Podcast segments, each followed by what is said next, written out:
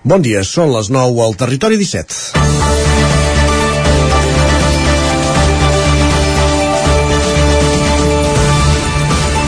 El president de la Generalitat, Pere Aragonès, d'Esquerra, acusa de deslleial el vicepresident Jordi Puigneró de Junts i el cessa. Passava aquesta nit l'endemà que Junts demanés a Aragonès que se sotmeti a una qüestió de confiança. Puigneró ho sabia i no ho havia dit el president i la reacció del cap de govern ha estat contundent. Si el govern d'Esquerra i Junts es trenca ara, cinc anys després del primer d'octubre gairebé serà poètic. Poesia dramàtica, però poesia. En les relacions tòxiques, al manual tothom té clar què diu. Esquerra i Junts forcen una relació, arribant ara a una partida de pòquer, perquè van segellar un objectiu, la independència, però en camins molt diferents per arribar-hi, distants, allunyadíssims.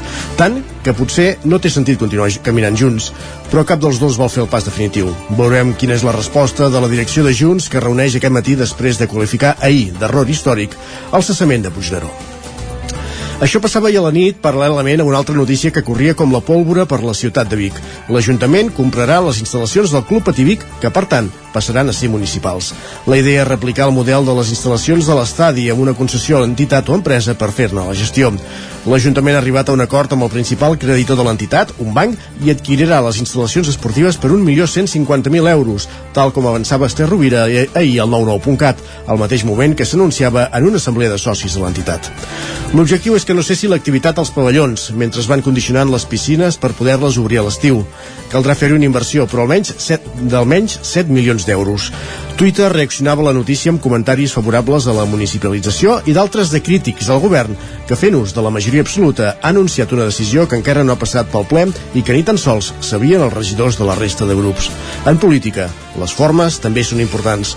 És dijous, 29 de setembre de 2022. Comença el Territori 17 a la sintonia de la veu de Sant Joan, Ona Codinenca, Ràdio Cardedeu, el 9 FM i també ens podeu veure a través del 9 TV, Twitter i YouTube, Twitch, perdó, i YouTube. Comencem, com dèiem, al Territori 17. Territori 17, amb Isaac Moreno i Jordi Sunyer.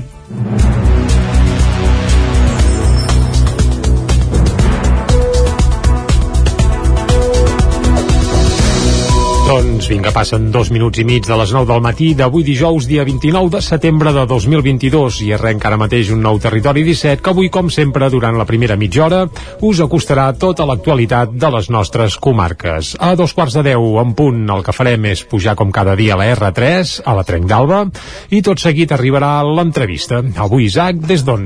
Avui anem fins a Ràdio Televisió Cardedeu amb l'Òscar Muñoz per parlar d'un festival del jazz de xoc, aquell que combina aquell que marida xocolata i, i jazz. Ostres, això sona bé, eh? Sona molt bé. I llaminer, eh? Gairebé Correcte. podria ser, uh, bé, la secció de gastronomia, també. Doncs va, l'entrevista Jazz de Xoc des de Ràdio Cardedeu. Tot seguit, el que farem és anar d'excursió cap a la plaça, també des de Cardedeu, oi? Correcte, l'espai de nova economia que cada setmana ens acosta la Maria López des de Ràdio Televisió Cardedeu i 11.cat.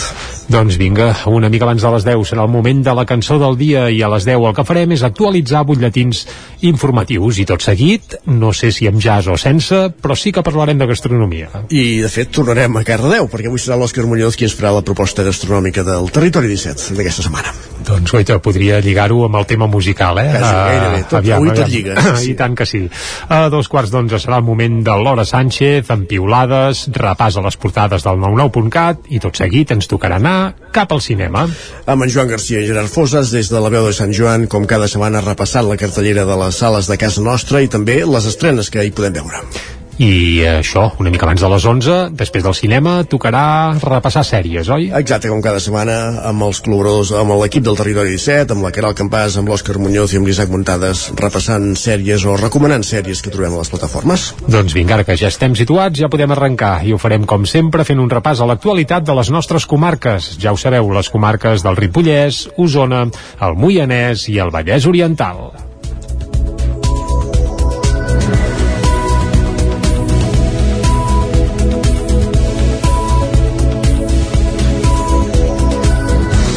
Ho dèiem a la portada, l'Ajuntament de Vic comprarà el Club Ativic i la instal·lació serà municipal. El consistori l'adquirirà per 1.150.000 euros per evitar que surti a subhasta i destinarà 7 milions més a rehabilitar-lo. Dos anys i mig després que l'última junta directiva presentés un concurs de creditors, l'administració concursal ha decidit liquidar el Club Pativic.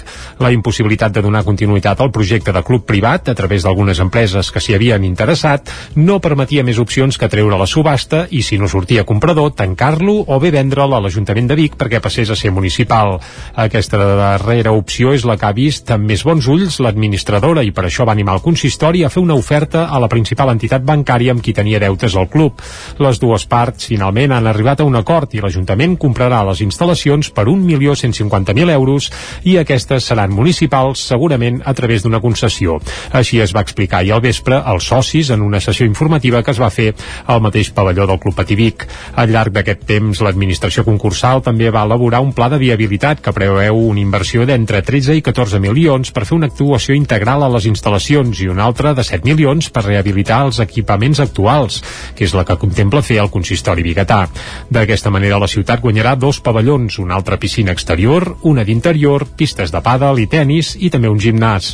Un nou equipament que també encaixa amb el projecte de centre de tecnificació esportiva que fa temps que treballa l'Ajuntament de Vic. El procés judicial encara durarà uns mesos i fins a finals d'any no es preveu que es faci efectiu tot plegat. Un cop s'executi la compra, l'Ajuntament té la intenció de mantenir oberts els pavellons per garantir la pràctica esportiva, però la resta d'instal·lacions es tancaran per començar les reformes. La principal prioritat serà tenir oberta la piscina exterior de cara al proper estiu. Paral·lelament també s'estudiarà com tenir deferències amb els socis que s'han mantingut fidels a l'entitat fins ara. Més qüestions. Només cinc dies després d'inaugurar el nou Institut d'Escola de Balanyà, el conseller d'Educació Josep González Cambrai va tornar ahir a Osona. Ho va fer en aquesta ocasió per posar la primera pedra del nou Institut de GURB, un equipament llargament reivindicat al poble que posarà fi a una dècada marcada per mòduls prefabricats. Inicialment, l'acte l'havia d'encapçalar el president de la Generalitat, Pere Aragonès, però a primera hora del matí va suspendre la seva agenda pública per les discrepàncies en el si del govern per la crisi amb Junts per Catalunya. Se li va girar feina, és evident, i tot plegat acabat de moment amb les... Uh, bé, va cessar el conseller uh, Jordi Puigneró i veurem si hi ha nous capítols, ho seguirem durant tot el dia d'avui. I el conseller d'Educació, però, sí que va ser a GURB, Josep González Cambrai, i havia de ser-hi acompanyat de Pere Aragonès, però a primera hora del matí, després de fer-se pública la voluntat de Junts per Catalunya de presentar una qüestió de confiança al Parlament, el president va decidir suspendre tots els actes públics. A González Cambrai sol, doncs, el van rebre l'alcalde de GURB, Josep Casasses, i el president del Consell Comarcal d'Osona, Joan Carles Rodríguez, però també alcaldes i regidors de Muntanyola, Santa Eulàlia de Riu Primer i Sant Bartomeu del Grau. Junts van col·locar la primera pedra simbòlica del nou edifici que ha de permetre que l'Institut de GURB s'acomiadi dels mòduls prefabricats per donar pas a un edifici sostenible que ha de quedar perfectament integrat amb la urbanització del Soler. Escoltem el conseller Josep González Cambrai és del més important que es pot fer en aquesta vida. Un institut on aposteu per la innovació, aposteu per fer les coses una mica millor dels que els fem ahir. Si no fem res, no ens equivocarem si fem coses, avançarem. Per tant, felicito amb aquest institut. Felicito a tot el claustre, tot el professional que treballa amb aquest institut. Per estar present en projectes d'innovació.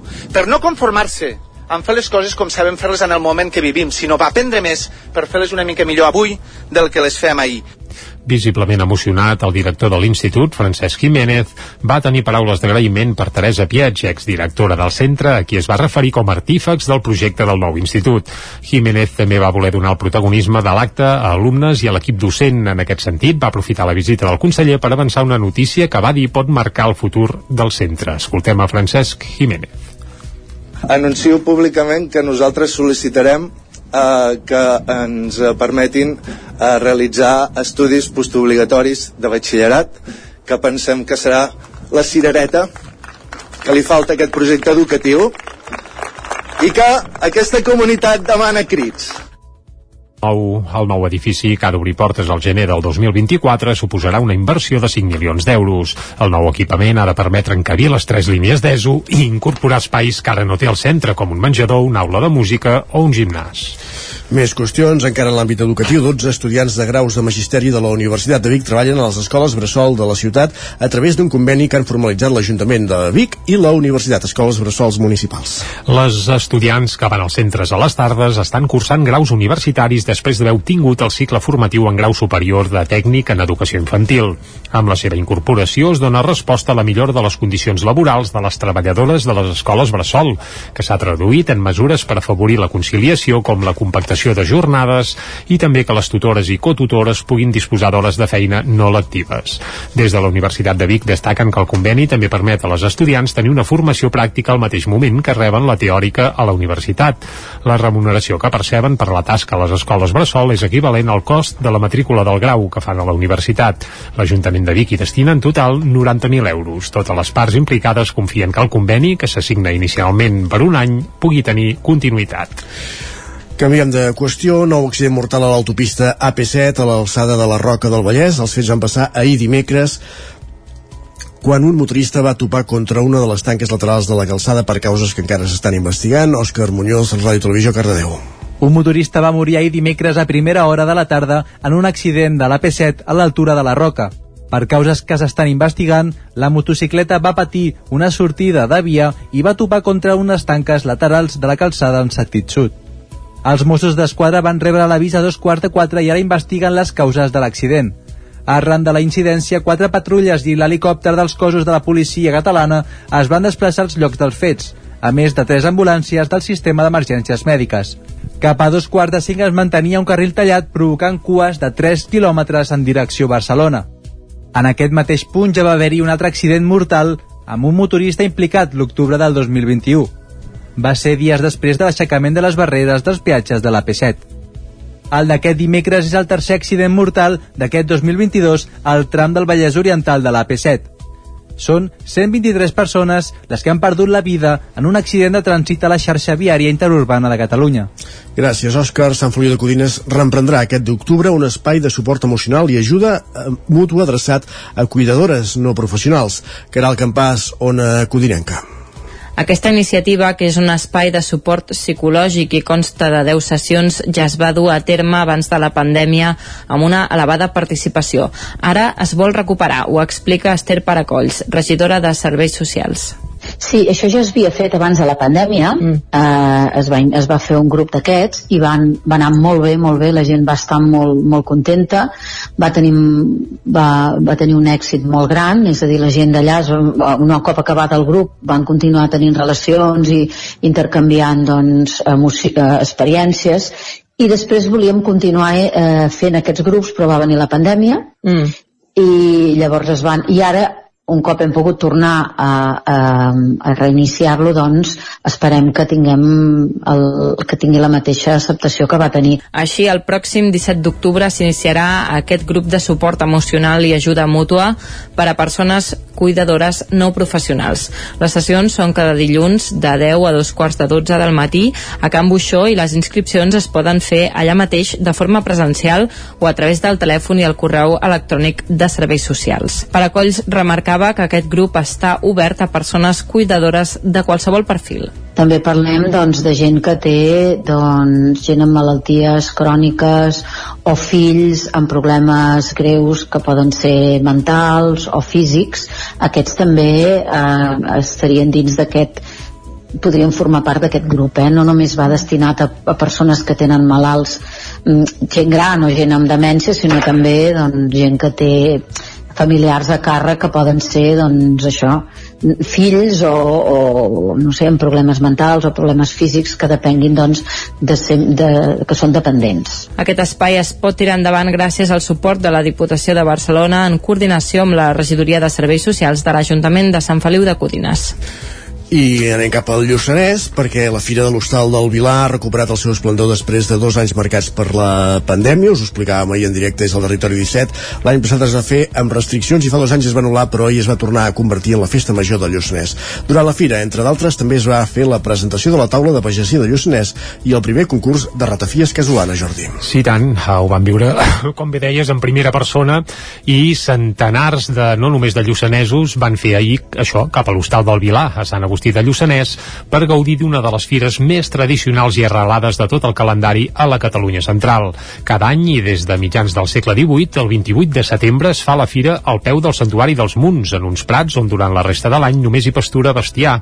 Marc Socarrats és el president del Consorci del Lluçanès això és la festa major de, de, del Lluçanès, diguéssim. És una fira que va començar, com en deia l'alcalde, des del 1700 i no ha parat mai eh, fins, fins només va parar per la guerra i ara per la pandèmia un any i vull dir, s'ha fet sempre i tot, sigui el dia que sigui, sigui entre setmanes, sigui el dia que sigui, la gent de tot el Lluçanès i de, i de fora del Lluçanès, tothom ve i surt i és, un, és una festa, una fira mítica de, del Lluçanès. Després de l'anul·lació del 2020 per culpa de la Covid i d'una edició de mínims l'any passat, ahir la fira va recuperar tot el seu esplendor, ho explicava el seu alcalde, l'alcalde de Sant Agustí de Lluçanès, Josep Pujol. Molt contents, i avui sembla un dia, un dia esplèndid, tornem a estar al 100%, doncs eh, esperem que vingui molta gent, de maquinària maquinària, bestiar, això és com antigament, amb els anys enrere, vull dir, estem al 100%. La Fira de l'Hostal del Vilà és des de sempre un calaix de sastre i predomina el bestiar i la maquinària agrícola, però també hi havia parades de menjar, artesans o mostres com la de motos antigues, un clàssic que va a la Fira del Vilà des de fa prop de tres dècades. Molts dels expositors i visitants, a més, hi acudeixen des de fa anys i panys. Escoltem per aquest ordre el ramader Josep Font i el venedor de Viram, Feliu Ballús. Ja havia vingut amb el meu, amb el meu pare quan era petit, que hi portava l'euga, amb un pollí, i venim a vendre el pollí aquí dalt. Sí, havia vingut amb els meus pares i, bueno, vull dir que tota la vida que passa que, clar, sempre s'escau el 28 de setembre, tant és que sigui dilluns com dimecres, i esclar, vull dir, ja va bé. Una de les, nota, de les novetats, volem dir, de la fira d'aquest any va ser el primer concurs de ratafies casolanes, que va comptar amb prop d'una dotzena de participants. Tot i ser centenària, doncs, la fira no deixa d'evolucionar i reinventar-se. Això sí, fidel sempre a la tradició i a una data, el 28 de setembre. I una altra fira, la de la galeta de Camprodon, amb més, més galetes que mai i amb Guillem Roma, Ginestà i Sub com a caps de cartell. Isaac Muntades, des de les veus de Sant Joan. Quan serà aquesta fira? El Museu de Galetes Birba va acollir la presentació de la quarta edició edició de la Fira de la Galeta de Camprodon, que se celebrarà aquest cap de setmana al municipi. Ausias Ballart, responsable de Cosmo Eventos, l'empresa que organitza l'esdeveniment, va explicar que la fira està sustentada en quatre pals de paller, el gastronòmic, el musical, el familiar i el comerç de proximitat. El primer té la galeta com a protagonista i aquesta serà l'edició on n'hi haurà més, d'aquí l'eslògan Pluja de galetes. A la fira hi participaran una desena d'artesans galeters provinents de tot Catalunya. També hi haurà galetes per celíacs i galetes per gossos sense gluten. A més, Ballart va dir que hi haurà una cara coneguda dels espectadors del programa Queen Cuines de Televisió de Catalunya. Que la inauguració la farà la Jessami Caramés, que és una presentadora de TV3, i també ens ha dissenyat un postres que el farà en viu en directe amb un show cookie que en diem nosaltres a les 6 de la tarda, si no recordo malament, sota el pont. Serà un cremós de xocolata blanca amb galetes birba, aquest, aquest show cookie el farà, com he dit abans, a, sota el pont. L'acte serà dissabte a dos quarts de 12 del matí a la plaça 1 d'octubre. La música tornarà a jugar un paper important, i si els anys anteriors hi havien actuat Joan Dausà, la Bet o Andrea Motis, enguany hi haurà un concert de Guillem Roma dissabte al matí i de la Su a la tarda, també sota el pont. L'endemà diumenge serà el torn de Ginestar. Un altre dels pilars de la fira són les activitats familiars. I és per això que tenim dues places destinades per al, pel públic més petit. A la plaça del Carme tenim un seguit d'activitats, eh, tallers per la mainada, tipus tallers creatius i gastronòmics on poden fer galetes, poden decorar. Una de les activitats que, que hem recuperat és la de pintem el davantal, que el tenim aquí darrere, el davantal, que els nens han de customitzar aquest davantal al seu gust. A la plaça del, de la Santa Maria també hi ha un inflable de birba. També es podrà pintar una capsa de galeta gegant de birba a la plaça de la Vila, pintar a la Cuqui la mascota del certamen a l'espai galeter de la plaça del Carme o fer un clauer. El comerç de proximitat també tindrà el seu espai i oferiran els seus productes al llarg del carrer València i Sant Roc. Anna Pujol, de la pastisseria Pujol, va destacar la importància de la galeta per Camprodon. La galeta representa potser el 30% del meu negoci. Camprodon és el lloc idoni per celebrar una fira d'aquest tipus per la tradició galetera que té des de sempre. Durant el segle XX van, van coexistir dos grans fàbriques de galetes, la Birba per una banda, que encara és la, bueno, és una mica la bandera del nostre poble, i també la ja desapareguda Galetes Pujol. Pujol apuntava que ella mateixa l'antiga Casa Sala i el forn de Sant Roc s'han dedicat a fer galetes artesanes. Doncs amb la prèvia de la Fira de la Galeta que se celebra aquest cap de setmana a Camprodon acabem aquest repàs informatiu que començàvem a les 9 en companyia de Jordi Sunyer, Isaac Muntades, Òscar Muñoz i Caral Campàs. Moment de conèixer la previsió del temps.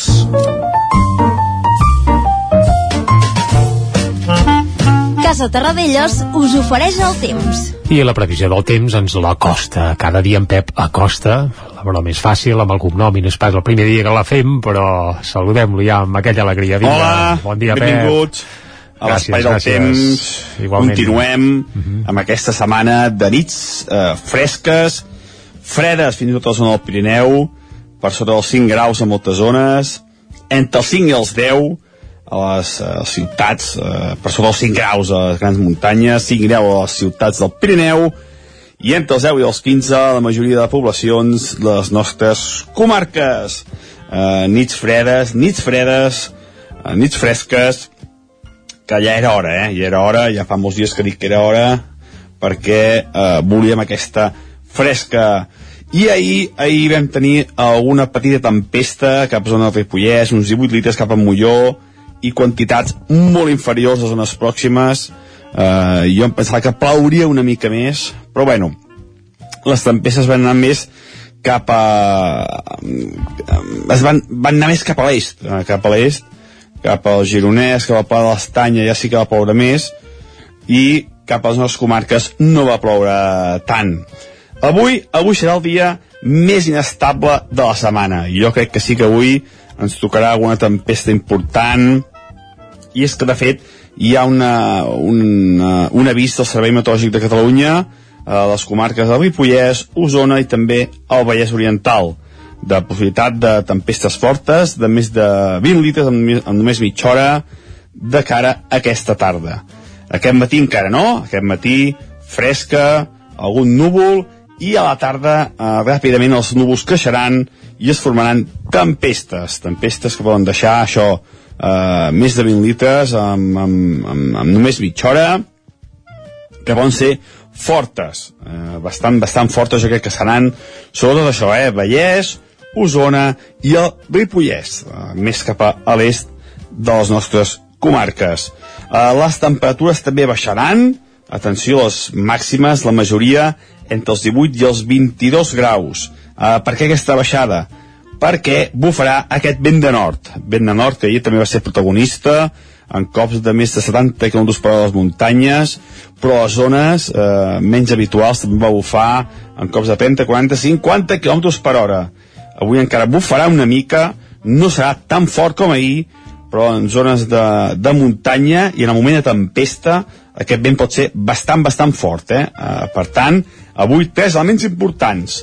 Les tempestes a partir de la tarda, eh, la fresca, amb temperatures màximes de 18 a 22 graus, i el vent. Aquests tres elements seran força importants el dia d'avui. Esperem que s'acumulin forces litres, aviam si plou fort i aquesta sequera es va, es va eliminant i podem tenir un, per fi una, una tardor força, força plujosa. I això és tot, a disfrutar el dia d'avui. Demà ja avançarem el temps del cap de setmana, eh, que ja us dic ara que serà molt més tranquil. Eh, res a veure amb el dia d'avui i amb una clara recuperació de les temperatures. Moltes gràcies, adeu, bon dia. Vinga, bon dia. Ens quedem més tranquils. Un cap de setmana que s'augura assolellat. Correcte. Això sí, avui... Avui és el, a el, pitjor, el dia més inestable. Bé, Bé, eh, som a la tardor, eh? Exacte. És que en teoria fa uns anys les tardors és que dia sí, dia no teníem un ruixadet, ja toca, ja toca. I fa falta. I fa falta, a més Va, a més. I tant que sí. cap al quiosc. Vinga, va, anem-hi. Casa Tarradellas us ha ofert aquest espai. Anem cap al quiosc a conèixer les portades dels diaris d'avui. Comencem pel punt avui. Suposo que tots Sí, els també hi ha tempestes, eh? També hi ha totes les capçaleres tempestes. marcades per la tempesta d'aquesta nit. I eh? llamps i trons, però no precisament d'aigua, sinó de... Bé, anava a dir de clatellades entre Junts i Esquerra. Comencem pel punt avui, que titula Hores baixes, i és que Aragonès ahir a última hora, perquè va ser molt tard això, eh? És a dir, que Sí, de els periodistes que havien de. Sí, sí, sí. Interrom interrompent l'emissió del programa sobre l'avi d'en Peio la guerra. per exemple, entre d'altres o, o, bé, per sort ja s'havia acabat bé, tant és, anava a dir, jo mirava altres televisions però bé, bé, a hores baixes va, Aragonès destitueix el vicepresident Jordi Puigneró per pèrdua de confiança Junts per Catalunya convoca la seva executiva per avui, és a dir, ara mateix Junts per Catalunya estan reunits i han Encara de no, a les decidir 10, a les 10, és veritat, es reuneixen a les 10 han de decidir si posen un substitut a Puigneró si abandonen el vaixell i el govern. Aviam, aviam què passa, ho haurem de seguir atentament. Aquest Hores Baixes ve il·lustrat d'una fotografia on es veuen els consellers de Junts eh, anant precisament amb Jordi Puigneró al mig, doncs entrant a la plaça Sant Jaume, on ahir devia haver-hi caliu. Eh? També a la portada del punt avui, Eulàlia Raguant planta cara al Tribunal Suprem en català, i és que ahir la Copaire va anar al Suprem i va fer tota la seva declaració en català. Més portades. Anem cap a l'ara. El titular principal, aragonès, cessa Puigneró crisi al govern, subtitulen, i evidentment la fotografia també amb els consellers de Junts, amb cara de preocupació, bé, més que cara, esquena, perquè es veuen pràcticament tots d'esquena, i a més és una fotografia allò de nit, és a dir, que la van fer bastant a última hora. També s'apunta a la portada de l'Ara que la Unió Europea no afluixa la pressió sobre Rússia i proposa un nou paquet de sancions i també hi ha un raconet per parlar dels Mossos i és que el lideratge dels Mossos d'Esquadra trontolla per diferències entre els comissaris Estela i Sallent. És a dir, que hi ha caliu també als Mossos d'Esquadra. Anem, cap al, anem cap al periòdico. Titular principal, govern en l'aire. Aragonès destitueix de manera fulminant el vicepresident Puigneró per l'ofensiva de Junts. I els postconvergents decideixen avui sobre la seva continuïtat al veure perillar el projecte independentista. També hi veiem els gegants del còmic, això en una exposició que es pot veure al Caixa Fòrum, i aquesta és la fotografia principal que apareix a la portada del periòdico, on també hi ha un raconet pel Barça, que vol rebaixar per, amb 120 milions els salaris per un nou pla de xoc. Tindrà feina perquè 120 milions són molts. La Vanguardia, Aragonès imposa a Junts el cessament del seu vicepresident. Aquest és el titular principal i el subtítol expliquen que el president destitueix Puigneró per falta de confiança i deixa en mans dels seus socis la decisió sobre una sortida de govern. I ràpidament anem a les portades de Madrid. Algunes també es fan referència a la crisi a la Generalitat, per exemple, el País, que titula Aragonès fulmina el vicepresident en plena fractura entre Esquerra i Junts. Les altres capçaleres no es fixen tant en la Generalitat, per exemple, El Mundo diu que el govern espanyol desafia la Unió Europea i, entre cometes, no canviarem de model, això citen a la portada del Mundo, a l'ABC, Comissions Obreres i Podem dissenyen la purga de tertulians a Ràdio i Televisió Espanyola. Mare de Déu, eh, espectacular, eh? I a la Razón, Feijó es veu amb Díaz en plena, en plena campanya d'insults de Pedro Sánchez. déu nhi també. déu nhi que les portades avui. Fem una pausa de 3 minuts i tornem amb més coses al territori 17. Fins ara mateix. El nou FM, la ràdio de casa, al 92.8. El diumenge 9 d'octubre tornen els bolets a ceba 24a edició de la Festa del Bolet, una de les fires de referència pel sector boletaire a Catalunya. Hi trobaràs les tradicionals parades de productes relacionats amb els bolets, testets i exposicions, activitats i actuacions i l'esperat concurs de bolets. Vine a la 24a Festa del Bolet de Ceba. Més informació a ceba.cat.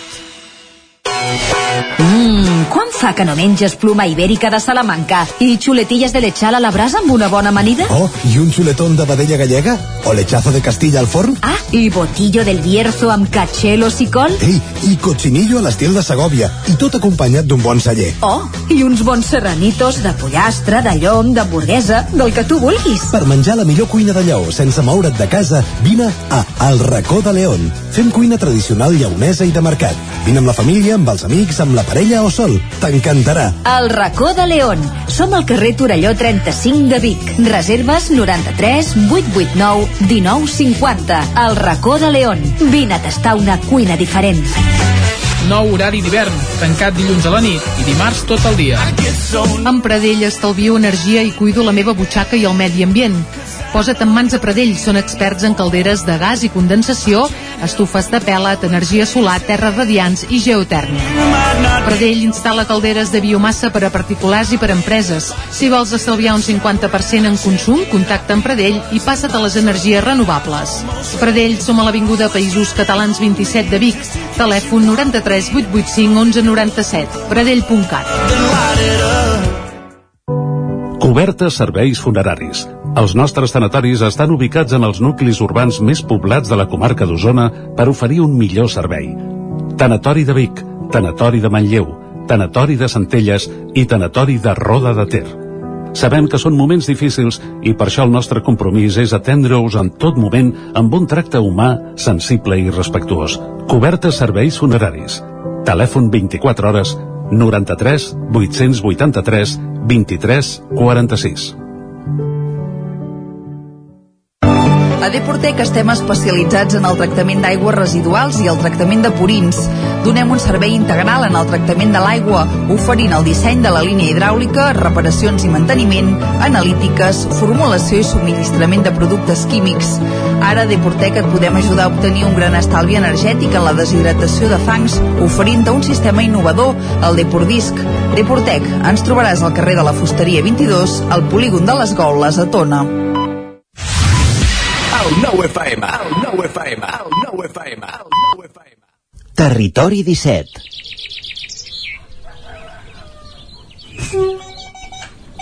A Tren d'Alba.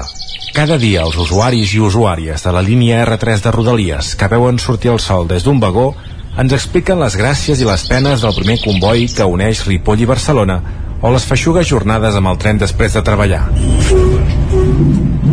Benvinguts a Tren d'Alba, una informació de servei. Recordeu que per obres de DIF a l'estació de Vilafranca fins al 30 d'octubre, els trens dels dies festius i caps de setmana amb origen o destinació a aquesta estació començaran i finalitzaran el seu trajecte a l'estació de la Granada. Per garantir la mobilitat dels usuaris, Renfe establirà un servei alternatiu en autobús entre les dues estacions. Sempre és bo saber-ho, que ara hi ha mil obres a tot arreu. Va, a veure què ens diu la Glòria Francolí a la seva crònica. Hola, molt bon dia. Aquí la Glòria des de la R3 Avui el tren que ha sortit a dos quarts de sis de l'estació de Sants ha arribat a l'estació de Vic amb 20 minuts de retard. Uh, bàsicament el que ha passat és que hem hagut de fer, uh, hem hagut d'aturar el nostre tren per esperar que passés, per creuar-nos amb el tren que baixava. I ho hem hagut de fer al Figaró i també a Montcada Bifurcació és a dir, Montcada de Bifurcació i després el Figaro. I crec que l'estona que hem arribat ara ha sigut l'estona que sumant les dues aturades ens hem estat esperant que, que passés l'altre tren. Bé, això és el que té la via única i el fet de que si hi ha algun problema, algun retard el tren que baixa, eh, el tren que va puntual, doncs llavors es queda perd el temps. Cap novetat, ja sabem que això passa i, i per tant, doncs, la lectura ho ha fet tot més fàcil. I això, avui el tren he llegit, he escoltat música, he estat molt, molt poc atenta a, al que passava en el meu vagó, però sí que, per exemple, a l'estació de Sants ha passat una cosa diferent del que passa habitualment quan agafem el tren, i és que Sants tots els seients hi estaven plens. És a dir, quan hem arribat a plaça Catalunya hi ha la gent que ha pujat, que n'han pujat molta, s'han hagut de quedar drets i ben bé fins a Parets, Mollet, la gent no ha pogut començar a seure. Clar, de fet també és una bo un bon indicador no?, de que hi ha molta més gent que agafa el tren, suposo que el fet de la gratuïtat hi, hi ajuda, però igualment, ostres, haver d'anar més de 20 minuts dret eh, és un pal llavors per la gent que encara que baixin a poques estacions eh, és, és una mica rotllo. Però bueno, eh, jo com que, com que pujo Sants ja ho sabeu que si pugeu a Sants sempre podreu seure doncs no he tingut aquesta dificultat i per tant fora dels 20 minuts de retard ha sigut un, un molt bon viatge. Doncs vinga, aquí ho deixo espero que tots i totes tingueu un molt bon dia ja sabem que els que pugen a Sants a la tornada de la feina troben seient segur. És evident que la gratuïtat ha empitjorat el servei perquè s'hauria d'haver previst que més gent pujaria als convois. S'hauria d'haver fet els trens més llargs o, si més no, ampliar la freqüència de pas. Ni una cosa ni l'altra. Resultat, com sardines en llauna. En fi, ens retrobem dilluns que ve amb més històries del tren i de l'R3. Gràcies, Isaac. Després de fer el pas diari per l'R3, de conèixer les cròniques dels oferts usuaris del dia a dia, és moment al Territori 17 de l'entrevista. Territori 17, el 9 FM, la veu de Sant Joan, Ona Codinenca, Ràdio Cardedeu, Territori 17.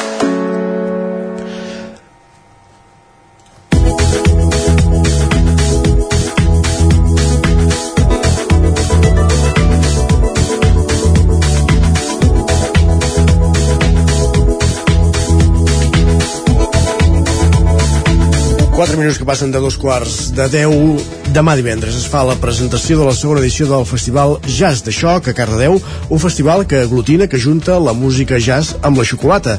Aquesta edició, el Jazz de Xoc, pren el relleu de les nits amb jazz. Òscar Muñoz, Ràdio Televisió Cardedeu.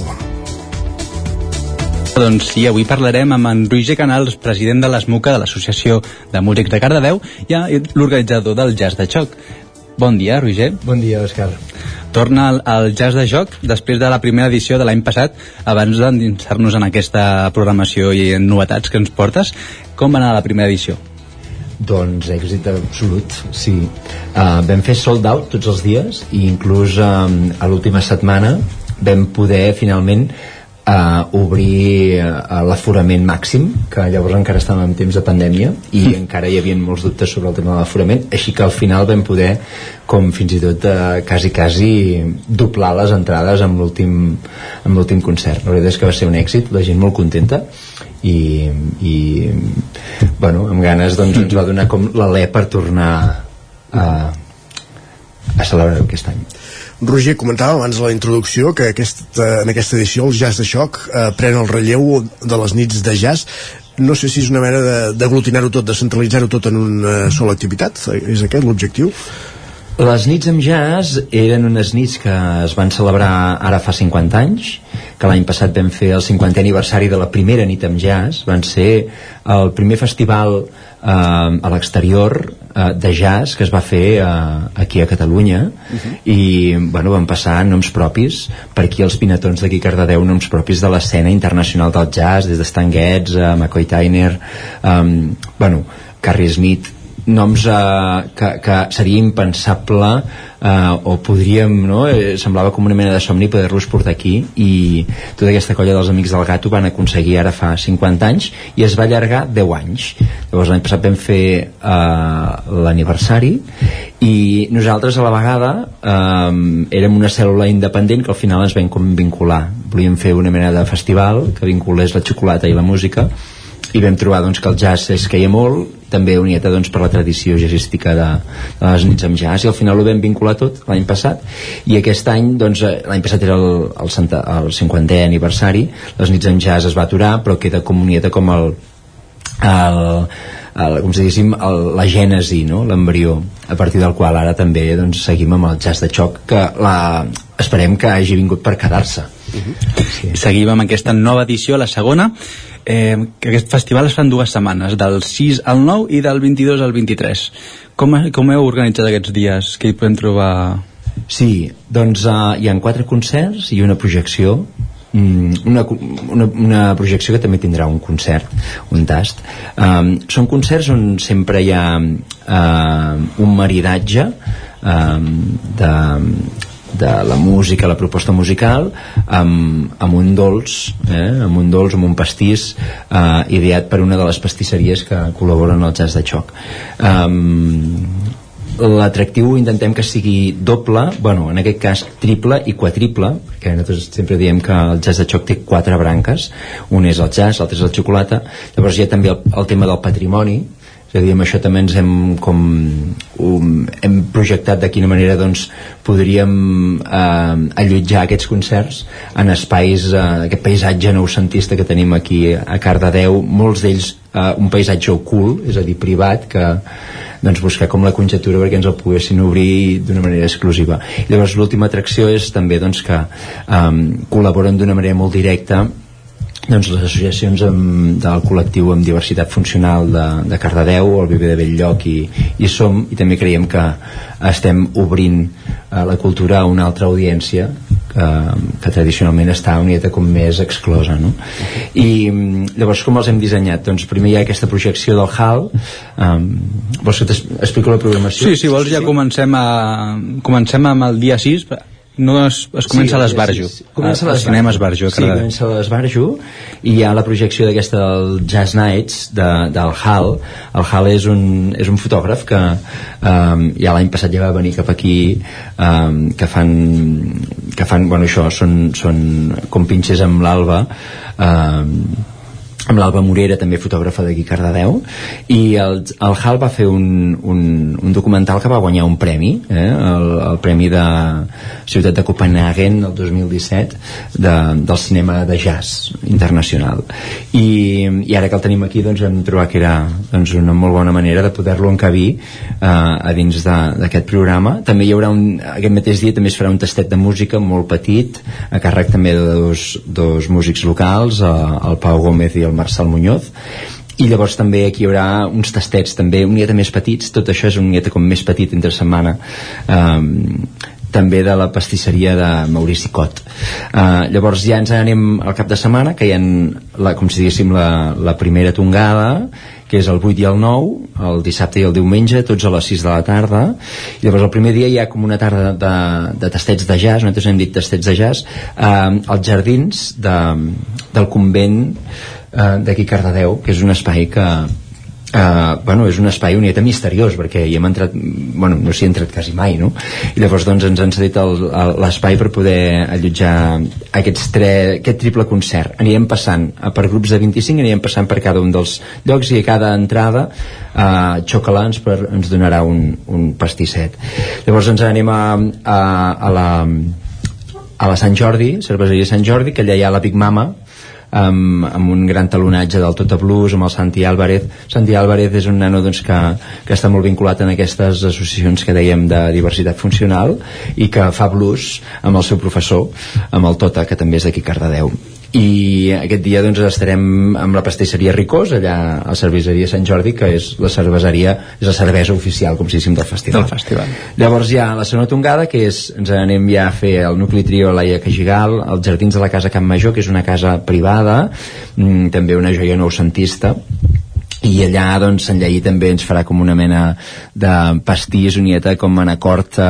aquesta proposta unieta com més tropical, jazz tropical eh, de, de, de, de jazz eh, de, de Brasil i tal i llavors ens anem a l'últim dia que tanquem amb, amb, un, amb un gran nom de cartell que és la Villa Dixieland aquest, eh, aquest clàssic no? aquest grup internacional que ha portat el jazz més clàssic a tot arreu i que són d'aquí casa i mm, aquí hi havia la Paquita perquè també puguin ballar els balladors i aquest dia doncs tindrem uns dolços de, de l'Eric Pastisser. Déu nhi sí, com, completet, completet. Sí, sí, estarem distrets, música i el més important Sí. sempre maridat amb, amb, amb alguna delicadesa de xocolata. Um, ah, exacte abans parlàvem d'això, eh, de, de, les nits de jazz que, de les nits amb jazz que es van recuperar per celebrar aquest 50 aniversari. De fet, aquest any el que feu també és presentar un llibre eh, de nits amb jazz, del 50 aniversari de les nits amb jazz durant, durant el festival, eh? Sí, exacte. L'any passat ja es va fer com tota una feina mm, documental i també de síntesi, de recuperar doncs, tots els materials. Es va traduir en una exposició preciosa eh, que una part doncs, de, dels Amics del Gat, eh, organitzadors llavors i promotors de les nits amb jazz, doncs, van organitzar dins del museu. Va sortir una exposició preciosa on també s'hi van allotjar alguns concerts l'any passat. I llavors amb tot aquest material doncs, dèiem, ostres, tot això ha de quedar un document eh, eh, doncs, eh, en format llibre que es pugui, es pugui es pugui consultar no? i disfrutar perquè es va fer molt bona feina la veritat. i d'aquí ens, ens va quedar unieta al tinter l'any passat per temes econòmics i aquest any doncs, sí que ens bueno, ha sortit la possibilitat de poder-ho fer i per tant ho publiquem i, i demà fem unieta com aquest relleu la presentació de, del, del cicle i a la vegada doncs, de les nits amb jazz unieta ja com tancant una miqueta eh, doncs, tot aquest període no? de les nits amb jazz que, que han sigut els instigadors, l'embrió I també doncs, tenim unes xocolatines Oh, sí. especials no, de, del jazz de xoc. Sí. Hi ha unes xocolatines, nosaltres diem xocontrades, tu pots aconseguir un 20% de descompte si vas a comprar unes xocolatines um, que, del jazz de xoc que estan a cada una de les pastisseries col·laboradores. Tu vas allà, llavors hi ha unes pastisseries, bueno, cadascú ha fet la seva rajola de xocolata, i hi ha una faixa que és, és doncs, ja també com tota, és, està, bueno, customitzada, eh, tonejada del jazz de xoc, i llavors allà hi ha un, posa 20% de descompte llavors tu a l'hora de comprar les entrades pots aplicar el descompte de les xocolatines i eh, dins d'una de les xocolatines en cada una de les pastisseries hi ha una sorpresa, hi ha una butlleta daurada com, com passava a, a, al Willy Wonka a la fàbrica de xocolata que llavors si aconsegueixes la, la butlleta daurada entres gratuïtament amb un dels... i això l'any passat va ser un atractiu es van esgotar les, les Sí? xocolates sí, sí, sí, es van esgotar tots tot, tot els nens volien aconseguir la butlleta daurada la veritat és que va ser Com a la pel·lícula, clar. sí, exacte sí, sí les xocontrades, demà també en vendrem ja sí, sí, molt sí.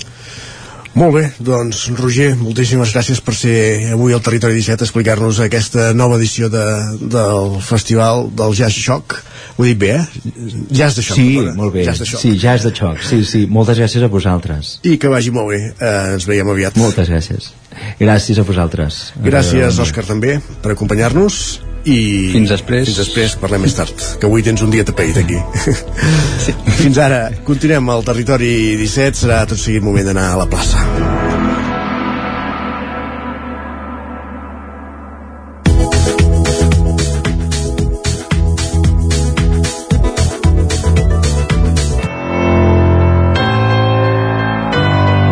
Territori, Territori 17. 17. Territori 17.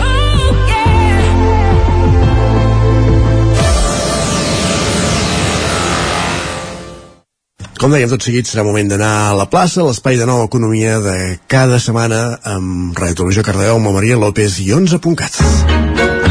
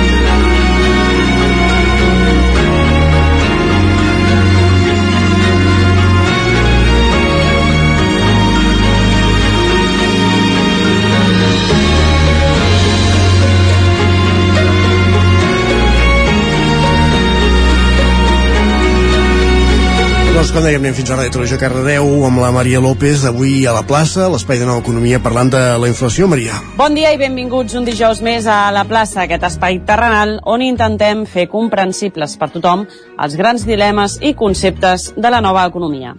Continuem sentint a parlar de la inflació, de la inflació a les notícies sobre economia nacionals i internacionals. I tenim moltes incògnites obertes. Ja a principis d'any parlàvem amb les companyes d'11 de la duresa de la crisi amb una inflació de nivells històrics, on no només això a Catalunya, sinó arreu del món. I per parlar avui d'inflació i de tots aquestes incògnites que comentàvem, tenim amb nosaltres en Xavi Vinyoles, que és l'expert de l'equip editorial d'11. Bon dia, Xavi. Molt bon dia. I ens acompanya un dijous més, ja tradicional amb nosaltres, la Gemma Vallet, de 11 District. Bon dia, Gemma. Bon dia, Maria. Doncs som-hi perquè jo volia començar així d'entrada, a més a més ho hem anunciat per les xarxes socials, arrencant amb un concepte que m'heu fet arribar a vosaltres des d'11, però crec que és molt interessant eh, que arribi amb aquesta, precisament amb aquesta funció que fem des de la plaça d'explicar de, de aquests nous conceptes de la nova economia. I és que estem sentint a parlar del, això no, ho dic, no sé si ho diré bé, eh, el shrinkflation, ho dic bé? No, ho he dit, ho he dit fatal, És més fàcil dir reduflació. Reduflació, doncs em quedo amb la reduflació eh? i ara, a mi m'agrada més. I ara és quan ens has d'explicar què és la reduflació. Doncs mira, és una tècnica que fan servir sobretot últimament, bueno, no és nova, eh? però últimament ens en donem més compte amb la inflació. Uh, alguns fabricants d'aliments i de productes d'higiene i de drogueria per pujar els preus dels seus productes sense que te n'adonis, bàsicament. Uh, estan reduint el contingut d'algun dels seus envasos, un 5, un 10, un 15, fins un 20%, una mica per despistar els consumidors, mantenint els preus d'abans. Per exemple, eh, cosa que vas a comprar pasta. Els, els paquets de pasta normalment venen en, en paquets de 150 grams 105 grams. Doncs ara et trobes que potser compres un paquet de pasta de 500 grams i després t'hi fixes i no són 500 grams, són 450 grams. Però mantenen el preu que tenien doncs, quan eh, eren 500 grams. I què ha passat? doncs que molts consumidors eh, han vist això potser perquè ara ens hi fixem més en els preus de les coses que comprem i abans no ens hi fixàvem tant i ho han denunciat a, a l'OCU, a l'Organització de Consumidors Usuaris, que va fer una, una investigació i va trobar que efectivament doncs, havia molts productes de varis fabricants que estaven fent això, no només en, en productes alimentaris, sinó que potser compraves un, una ampolla de xampú que teòricament són, en aquest exemple que van donar, eh, 700 mil·litres i a la pràctica eren 640 mil·litres.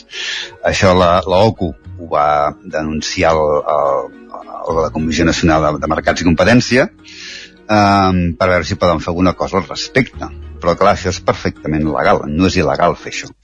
En, uh, potser és uh, poc ètic, uh, però no és il·legal. I ara doncs uh, hi ha el debat doncs, si això s'hauria de prohibir o s'hauria de regular o, o, o fer alguna cosa però clar, amb tècniques de, de màrqueting o neuromàrqueting hi ha moltes coses aquestes que són una mica qüestionables, no? Um, però fins al punt de prohibir-ho Uh, no se sap massa què passarà, perquè ja dic no, no és una cosa nova, és una cosa que, que s'ha fet sempre, s'ha fet tota la vida, que és més evident ara que ens fixem més i els fabricants doncs, volen reduir costos, no? Però, per exemple, ja als anys 90 va sortir un cas molt famós, no?, del, del CEO d'American Airlines, que va, va comunicar als seus treballadors doncs, que si treien una oliva de cada amanida que servien els, els menjars als avions, doncs estalviarien, estalviarien 40.000 dòlars l'any i els clients no se n'adonarien, no? Que ve ser una cosa semblant a la que estan fent ara, reduir un 10, un 15% el contingut d'alguns productes, que la gent no se n'adona, eh, perquè estem acostumats doncs, a, a, a mirar-ho això, i a la pràctica doncs, han apujat els preus d'una manera així furtiva. No? L'etiquetatge que fan és correcte per això? L'etiquetatge és correcte, sí. Sí, si no simplement que ja ja, ja no ho mirem, no? Perquè ja de Exacte. tota la vida els paquets de macarrons... Bueno, és com l'exemple que t'he donat, no? Sí, sí, sí. Jo, jo compro molta pasta i sempre ven 250 500. No t'esperes que vingui a 450 o 475 de cop i volta, no? Eh, I de, de fet no ho notes, um, perquè en mol, molts casos els envasos ho, ho fan amb envasos opacs moltes vegades, com el xampú, no? Um, perquè si compres un, un, un, un, un paquet de cafè, que no veus el que hi ha dins, si és un pot de vidre, encara pots veure, ostres, falta, falten dos centímetres, no?, fins a que estigui ple, que ha passat aquí, no? Mm. Um, però molts cops ho fan en envasos opacs, que no canvien la, la mida de l'envàs, llavors, clar, no ho saps. Clar, és il·legal això? No, no és il·legal perquè t'indiquen el, el pes correcte. El pes però, però bueno, no sé si és massa, massa ètic, no? Uh, una, I ara doncs hi ha el, hi ha el debat aquest. Sí, home, està claríssim perquè ho fan, no? Uh, els fabricants, cal, diuen, nosaltres no enganyem a ningú, posem el pes correcte, uh, simplement, doncs, bueno, és el client que s'ha de fixar, no? Uh, I aquí hi ha el debat, doncs, si això s'hauria de prohibir o, o, o regular d'alguna manera. No sé, això és més l'especialitat de, de la gent, això el tema de màrqueting, no? Tu com ho veus, Gemma? Creus que s'hauria de, de regular, prohibir, fer aquestes coses? Uh, si, si entres es podria prohibir, eh? perquè al final el que fas dones missatges que porten a, a l'error al consumidor. O sigui, a la, la llei de la publicitat general que existeix a Espanya, va ser bastant pionera a Europa, ho deixa molt clar. Hi ha un apartat que diu qualsevol informació que du a portar error al consumidor.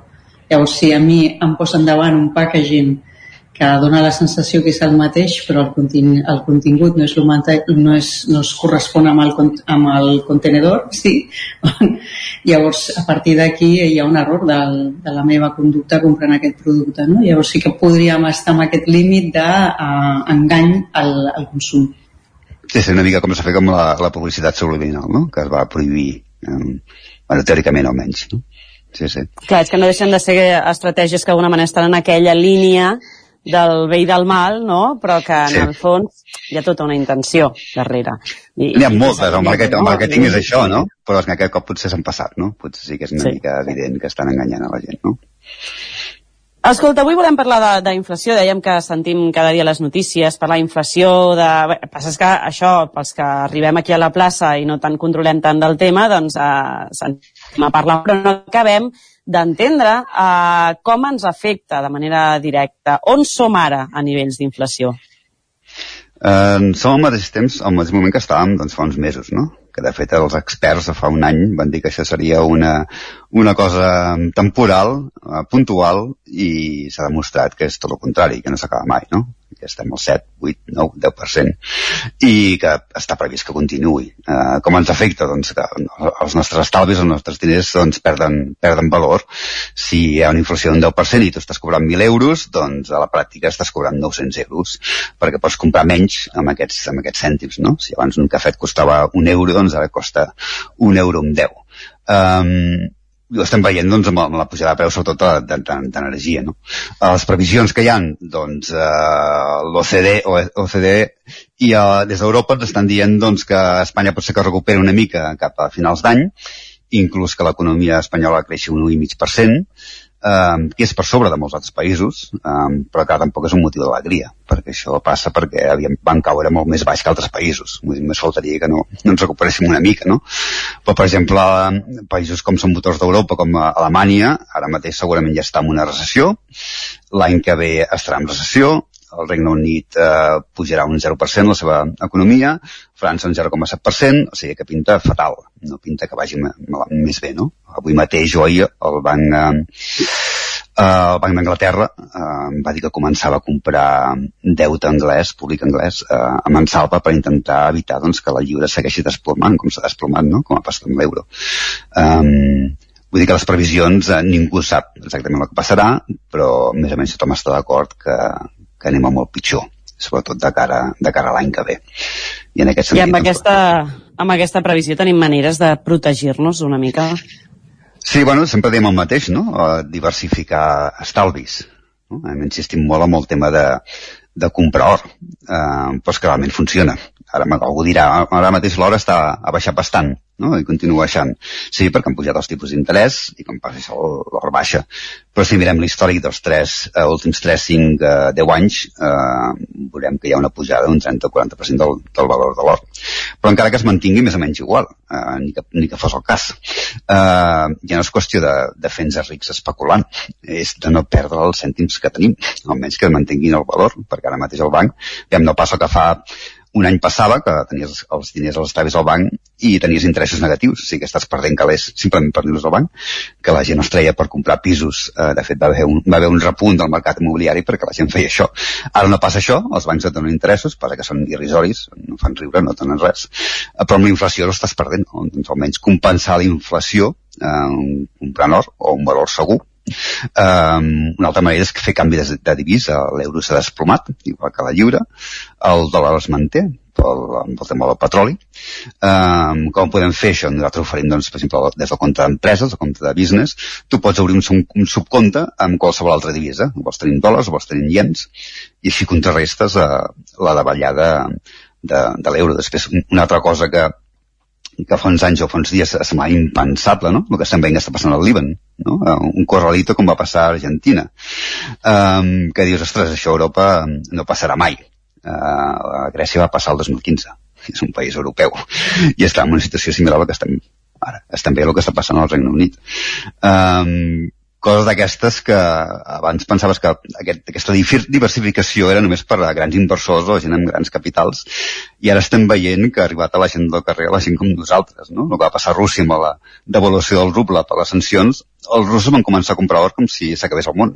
De fet, van acabar quasi les reserves.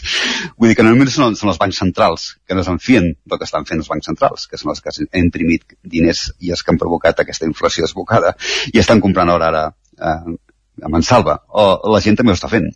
Um, El que és que bueno, moltes d'aquestes inversions suposo eh, que gent de peu de carrer que de pateix una mica pels seus diners eh, potser tenim una mica la sensació que si no controlem prou d'economia eh, doncs, per exemple, jugar amb divises, no? o invertir en or, o aquestes coses, és com que ens queden una mica lluny, no? o, o que no, no, no, saben, no ens sabrem moure dintre d'aquest món eh, de, de canvis Totalment, efectivament. No? A veure, la, la, la manera més um, efectiva de fer-ho és fer-ho directament tu però no tenim els coneixements. Tot just ara comencem a investigar perquè veiem que, que estem perdent els estalvis.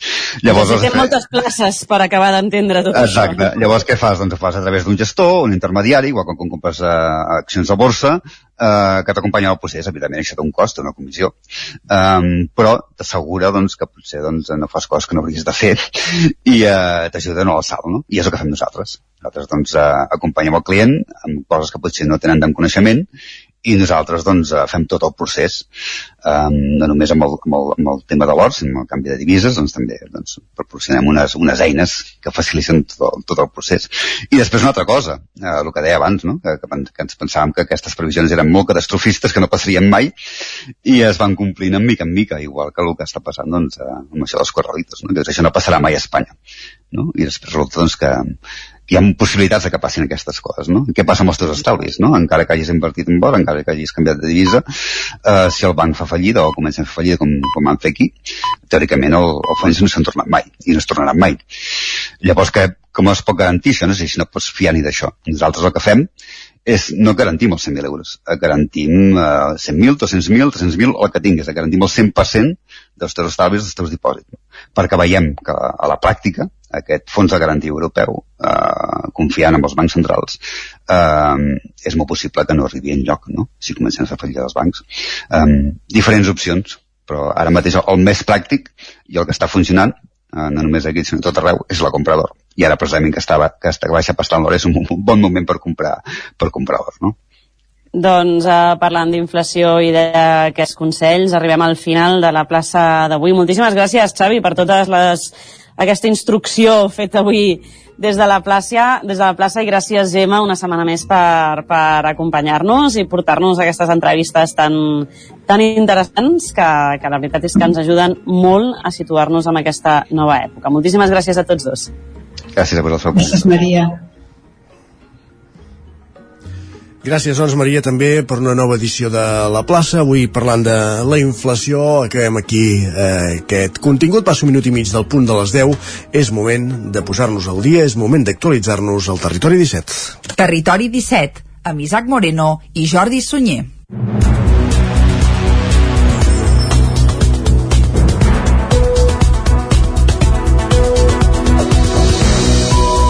Moment de repassar les notícies més destacades de les nostres comarques i ho fem com cada dia en connexió eh, amb les diferents emissores que dia a dia fan possible el territori 17, la veu de Sant Joan, Ona Codinenca, Ràdio Cardedeu, Ràdio Vic, el 9 FM ens podeu veure també per al 9 TV, per Twitch i per YouTube.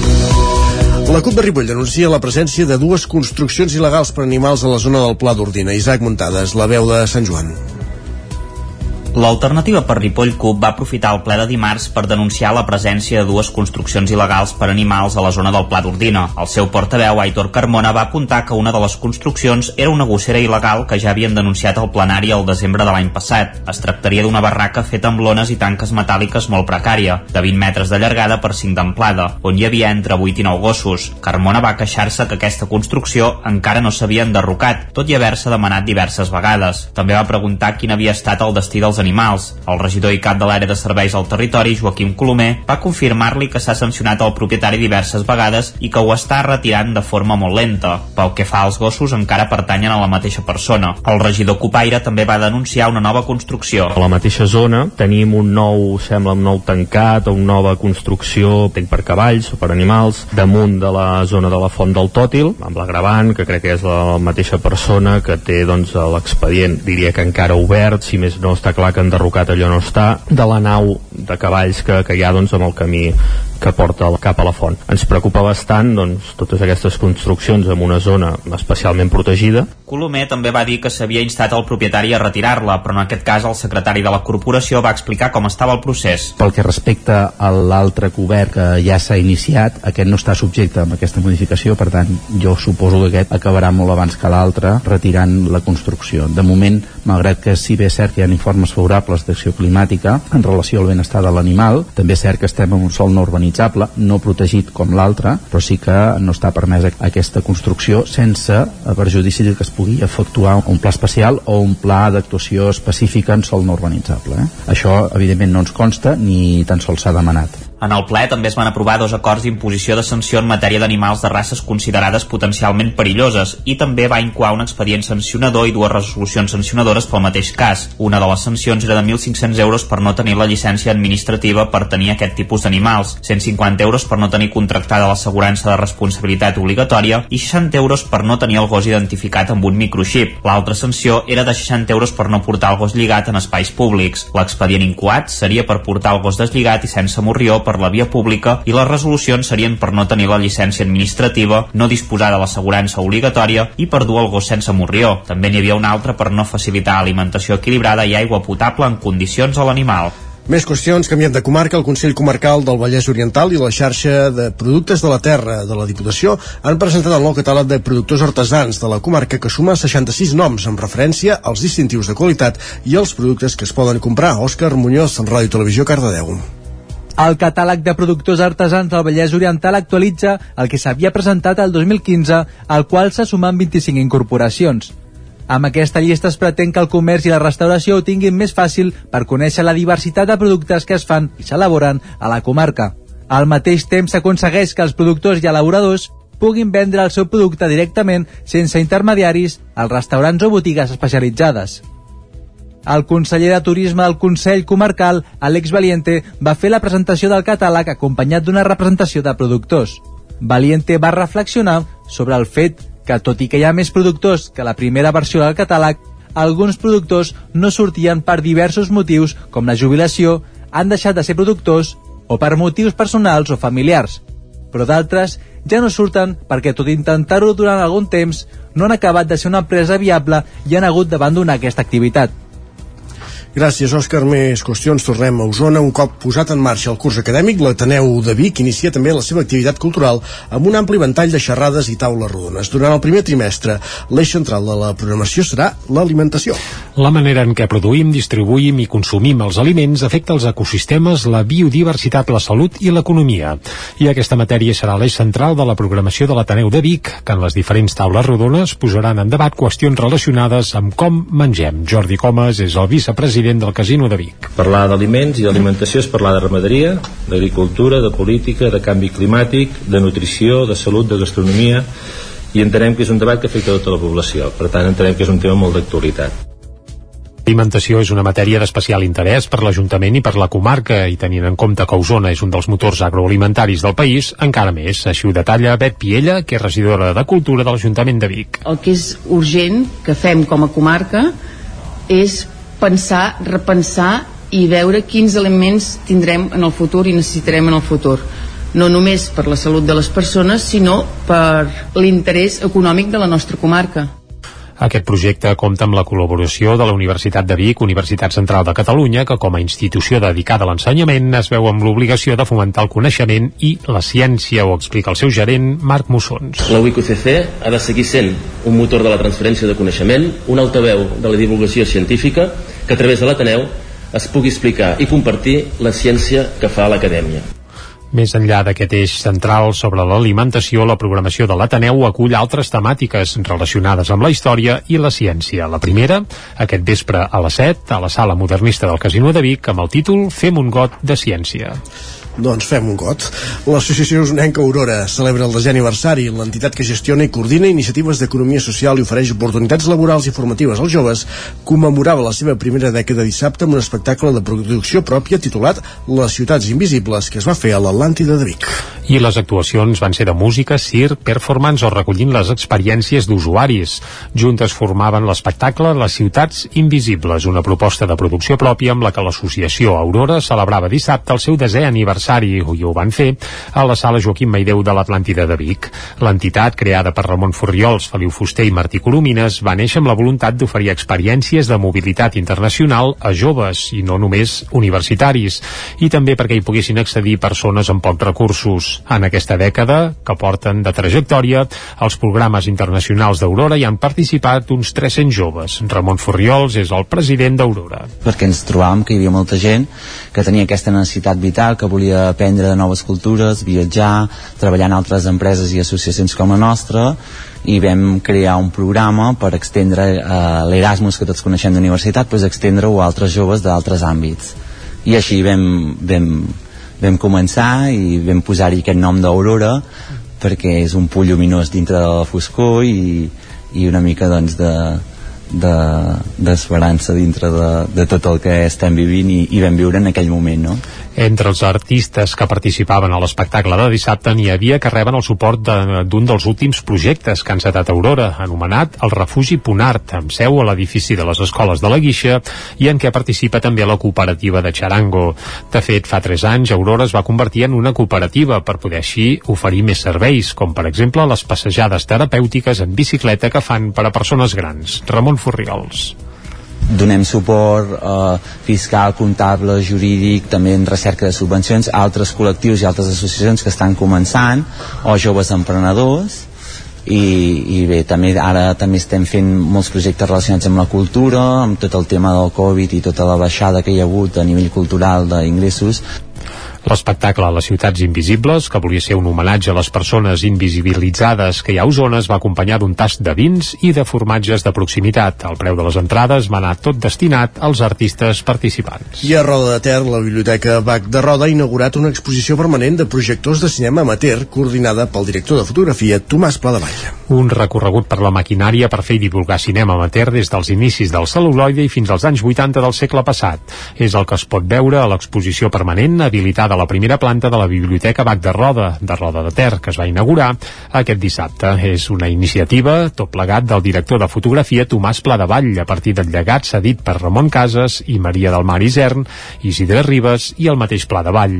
Les peces que obren l'exposició són un projector i una càmera Paté de l'any 1922, una màquina francesa per cinta de 9 mil·límetres i mig, ho explica Tomàs Pladevall, impulsor de l'exposició. Tot va començar als anys 20 a la casa Paté francesa va treure un projecte que es deia Paté Baby molt senzill que va fer que al cap d'un temps traient la càmera hi va haver gent que va poder fer cine que en diem cine amateur de seguida va aparèixer el format de 8 mm, la cinta més estreta i econòmica per fer cinema, i una mostra d'aquest format és el projector Kodak, que també es pot veure a l'exposició. A banda de projectors i càmeres, a la nova mostra també hi ha accessoris, fotòmetres o cintes. Ramon Casas també ha cedit material propi per a l'exposició. L'escoltem. Abans això era un lujo. Això només ho podia tenir una sèrie de gent una mica potentada que disposava d'un cert capital. I ara tothom està amb un telèfon o té qualsevol cosa que que de seguida tens, tens tu una, una pel·lícula, però abans per fer això valia molts diners. Cada tros de pel·lícula era una, una fortuna per una família. L'exposició es podrà veure en horari de biblioteca, dimarts, dijous i dissabtes, de 10 del matí a dos quarts de dues del migdia i de dilluns a divendres, de dos quarts de quatre de la tarda a les 8 del vespre. I més qüestions, encara a la pàgina cultural, la setena edició del Festival de Jazz de Vigues i Riells del Fai acaba després de dos caps de setmana consecutius de música jazz a la població, Caral Campàs, Ona Codinenca. Els Unusual Trio, un grup de jazz format per un piano, un saxo i una bateria van ser el penúltim dels concerts del Festival de Jazz d'enguany a Vigues. Ells Ells són Ignasi Terraza, Lluc Casares i Esteve Pi. Per un trio de jazz, un piano, un saxo i una bateria són una combinació força estranya, ja que habitualment incorporen un contrabaix. Sentim Terraza durant el concert parlant d'aquesta qüestió. Unusual Trio, trio inusual, perquè era una formació molt poc comú. A partir dels anys 40, dels anys de, del bebop, es van fer totes les formacions possibles, però sempre en contrabaix. I abans sí que s'havien fet sense, però a partir de llavors pràcticament cap formació que no ni hagi a no que sigui piano sol. Ignasi Terraza és un dels millors pianistes de jazz d'Europa. La presència d'aquest grup a Vigues es va fer coincidir amb la 32a edició del festival Hora de Jazz Memorial TT Montoliu, que agrupa ciutats com Barcelona, Tarragona o Girona. La setena edició del Festival de Jazz de Vigues va tancar les portes aquest diumenge, l'endemà d'aquest concert, amb Té Panys. Pels que s'hagin quedat amb ganes de jazz, Ignasi Terraza actuarà a Jambori la setmana vinent, el 7 d'octubre a Barcelona. Gràcies, Caral. Quedem aquí aquest repàs informatiu que començàvem a les 10 i un minut i mig amb Jordi Sunyer, Caral Campàs, Isaac Muntades i Òscar Muñoz. Moment de conèixer la previsió del temps. Casa Terradellos us ofereix el temps. Doncs un temps que aquí a Territori 17 ens acosta sempre en Pep Acosta, que ja ens ha avançat, que avui pot haver-hi, vaja, remullades, eh, Pep? Bon dia de nou. Hola, benvinguts. Avui, avui serà el dia més inestable de la setmana. Jo crec que sí que avui ens tocarà alguna tempesta important. I és que, de fet, hi ha una, una, un avís del Servei Meteorològic de Catalunya a les comarques del Ripollès, Osona i també al Vallès Oriental de possibilitat de tempestes fortes de més de 20 litres en, en només mitja hora de cara a aquesta tarda. Aquest matí encara no, aquest matí fresca, algun núvol i a la tarda eh, ràpidament els núvols creixeran i es formaran tempestes, tempestes que poden deixar això eh, més de 20 litres amb, amb, amb, amb només mitja hora que poden ser fortes, eh, bastant, bastant fortes jo crec que seran sobretot això, eh, Vallès, Osona i el Ripollès, eh, més cap a, l'est de les nostres comarques. Eh, les temperatures també baixaran, atenció, les màximes, la majoria entre els 18 i els 22 graus. Uh, per què aquesta baixada? Perquè bufarà aquest vent de nord. Vent de nord que ahir també va ser protagonista, en cops de més de 70 km per hora a les muntanyes, però a zones eh, menys habituals també va bufar en cops de 30, 40, 50 km per hora. Avui encara bufarà una mica, no serà tan fort com ahir, però en zones de, de muntanya i en el moment de tempesta aquest vent pot ser bastant, bastant fort. Eh? Uh, per tant, avui tres elements importants. Les tempestes a partir de la tarda, uh, la fresca, amb temperatures màximes de 18 a 22 graus, i el vent. Aquests tres elements seran força importants el dia d'avui. Esperem que s'acumulin forces litres, aviam si plou fort i aquesta sequera es va, es va eliminant i podem tenir un, per fi una, una tardor força, força plujosa. I això és tot, a disfrutar el dia d'avui. Demà ja avançarem el temps del cap de setmana, eh, que ja us dic ara que serà molt més tranquil. Eh, res a veure amb el dia d'avui i amb una clara recuperació de les temperatures. Moltes gràcies, adeu, bon dia. Doncs vinga, moltes de res, i ens quedem amb això, avui dia meteorològicament doncs convuls, però cap de setmana ja ens augura en Pep que serà plàcid amb placidesa, Isaac, doncs seguim, no? Continuem, i tot seguit serà moment de parlar de cuina. Anem cap a la Lent. Casa Tarradellas us ha ofert aquest espai. Territori 17. Envia'ns les teves notes de veu per WhatsApp al 646 079 023. 646 079 023. WhatsApp Territori 17.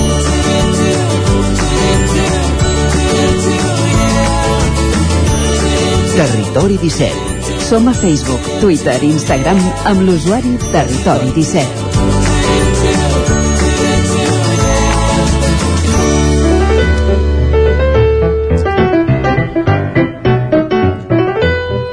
Deu minuts per arribar a la pausa, moment d'anar a la Foc Lent i arribarem amb la Foc Lent, la secció de gastronomia de cuina de cada setmana, que aquesta setmana ens acosta l'Òscar Muñoz des de Ràdio Televisió Cardedeu. Òscar, benvingut de nou, bon dia. Benvinguts a un nou Foc Lent des de Cardedeu. Avui ens hem anat al Mercat Municipal de Cardedeu per anar a visitar l'obrador vegetarià Catzerola. Parlem amb en Toti Costa. Bon dia, Toti. Explica'ns com va sorgir aquest negoci. Bé, doncs eh, la idea va ser, eh, bueno, estàvem en plena pandèmia, en realitat, eh, i érem tres amics, som tres amics, vaja, que els tres cuinàvem per grups i seguim fent-ho, i ens va arribar un correu doncs, que, que al mercat municipal bueno, hi havia unes concessions, unes parades, i vam pensar que ens hi podíem presentar en una oferint doncs, una, un lloc estable no, de, de, de menjar per emportar, eh, vegetarià, amb productes locals, eh, ecològics, amb, amb màxim quilòmetre zero, que puguem oferir, i, i bueno, eh, ens vam presentar a la concessió i, i aquí estem, fa un any un any escaig que hi som, no? i de moment estem molt contents de ser-hi i bueno, una bona acceptació no? uh, del públic. Recordo quan estàvem fent les obres que tot ha, sigut bastant ho fèiem tot bastant entre nosaltres no? uh, demanàvem ajuda a alguns amics i, i, i tot això però recordo que estàvem fent les obres i molta gent ens preguntava bueno, què posareu aquí, no? I els explicàvem doncs un menjar per emportar vegetarià bueno, notaves, no? no que, que la gent sentia curiositat, no? I, i bé, estem contents que molta gent que sentia curiositat en aquell moment que passava, que ja són gent que, que acostuma a venir al mercat a comprar, doncs es para i, i uh, bueno, doncs, uh, i ve assiduament fins i tot i ens compra productes que, que els agrada, no? Que, bueno, són com productes que per ells els, uh, potser abans no havien provat i, i mira, doncs gràcies a l'oportunitat de ser aquí al mercat ho han pogut provar. Comentàvem que estem dins del Mercat Municipal de Cardedeu. Per què veu escollir el mercat per posar aquí el negoci? Ah, per què el mercat? Uh, mira, la veritat, uh, vam pensar que, que, que anar a un local doncs, uh, pel centre de Cardeu uh, a nivell de finançament ens costaria més trobar finançament per aconseguir uh, per aconseguir els diners, no? I aquí doncs, dins el que bueno, vam fer un, doncs, una mica de pressupost eh, i tal i semblava que aquí podíem ens era més factible, no? Potser en un local no, no hagués pogut ser realitat per, pels elevats costos de, del que és tant els locals, els lloguers com, com les reformes i, i tot plegat. Sí, va ser una qüestió de costos i també d'una oportunitat, no? Que nosaltres en realitat eh, vull dir, el mercat és un lloc que està viu, no? Ja es veus, avui és un, avui què és? Bueno, és un dia per sol, un dijous, vale? i doncs el mercat respira, hi ha gent, entra, surt, i la gent ve a buscar producte de qualitat, no? a diferència potser d'altres establiments més grans, uh, i, i, i home, això també ens atreia molt, no? Uh, que fos el mercat, no? el mercat municipal, no? un lloc que ja respira de fa sempre, i, i que ara està respirant més, no? hi ha algunes parades buides que a poc a poc se n'hi omplint, creiem, i que, que això farà doncs, que tinguin encara més vida, no? També hi ha l'associació de, de comerciants aquí del mercat, no? Ara estem preparant el 40 aniversari no, del mercat, que serà a finals d'any, i amb un seguit d'actes que es faran durant el l'any següent i tot això bueno, doncs no, clar, tot això en un, potser en un local eh, vés a saber on doncs igual no haguéssim pogut aconseguir aquesta unió no? de, de forces Ara ja ens anem cap a l'oferta. Com us organitzeu el dia a dia? Feu menús, feu plats, elaboracions? Com, com us organitzeu? Mira, uh, sempre cada dia, és a dir, estem oberts de dilluns a dissabte com a mercat uh, i cada dia oferim un, com a mínim un plat, uh, un plat combinat, no? Aquí és un plat per emportar que, que el servim tant amb una safata takeaway que és compostable o, o com uh, i convidem molt a, a la gent que ve que ens porta el seu tàper de casa no? i també els oferim un descompte si ho fan Uh, això hi és sempre, un plat del dia. Uh, I després, uh, cada dia, de dilluns a dissabte, fem unes especialitats. No? Uh, per exemple, una de les que ens surten molt, que, que fem tres i estem ampliant a quatre i potser farem cinc cops a la setmana i tot, és un pa que fem uh, que és sense gluten, és un pa amb una fermentació de 24 hores, amb massa mare, i amb una barreja de farines que fem nosaltres que el que intentem és que hi hagi la proporció més baixa de midó possible no? perquè bueno, ens, el tema del sense gluten és una que sempre ens ha agradat molt treballar eh, té la seva complicació perquè requereix processos més lents i tal de, tant de fermentacions com de coccions i també el producte es fa malbé més ràpid no? no és, eh, és un producte que, que, que, que s'ha de consumir més aviat més ràpid uh, bueno, el pa aquest és un uh, altre producte que també fem sovint uh, bueno, tenim temporitzant no? els dilluns fem tata tata, dimarts tata no? i així ara aniré salta, saltant no? productes, un altre producte que surt molt és la quiche no? fem dos tipus de quiche, una sense gluten i una amb gluten eh, amb una base de, de farina, la és amb, amb gluten és amb una base de farina de blat Florence, és un blat que comprem al Berguedà, a Cal Pauet, que és un blat de, que és una gent que està intentant retrobar farines antigues, varietats antigues de, de blat, uh, de blat i altres varietats que no són blat. Per exemple, també tenen una, un, un fajol que és molt, molt bo, farina de fajol, uh, i ara ja, sí, doncs amb aquesta farina de blat fem un esquix uh, que, que les bases les, les, uh, els hi mesclem també uh, amb sèsam i, i almell, ametlles i tal, moltes i després a dins és una quiche vegana no? que porta tofu, tofu fumat també, i després les verdures que ens ofereix la temporada. Uh, anem molt sobre el producte que fem servir. Bàsicament el nostre principal proveïdor de fruita i verdura és Cal Cerdà, que el tenim aquí al costat en el mercat la parada el, el producte, és a dir, ells cultiven a Sant Antoni de Vilamajor que està aquí al costat Uh, i bàsicament ens serveixen el que són la fruita i la verdura ens va molt bé que tinguin la parada aquí al costat perquè és el nostre despensa no?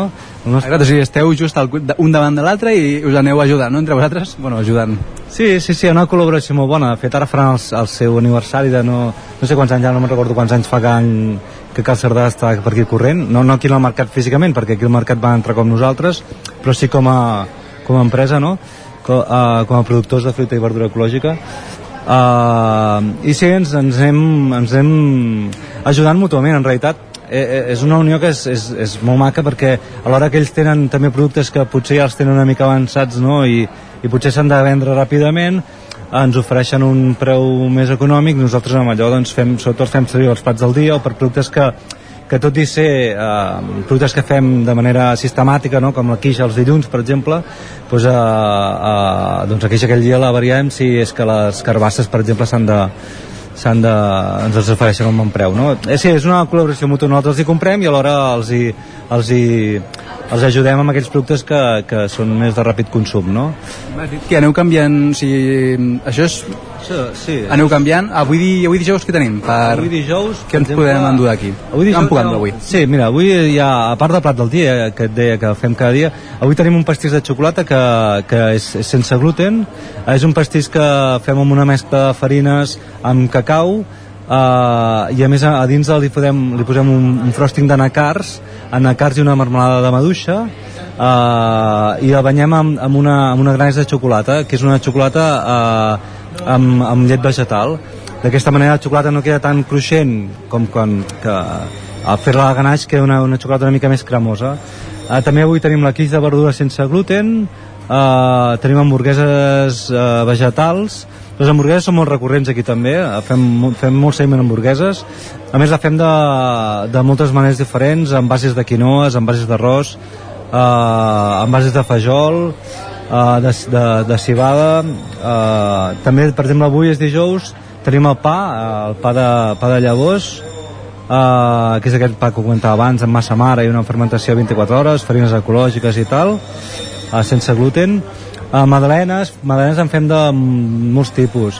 En fem uh, de pastanaga, en fem madalenes de, de poma i nous, uh, en fem madalenes també de taronja i xocolata.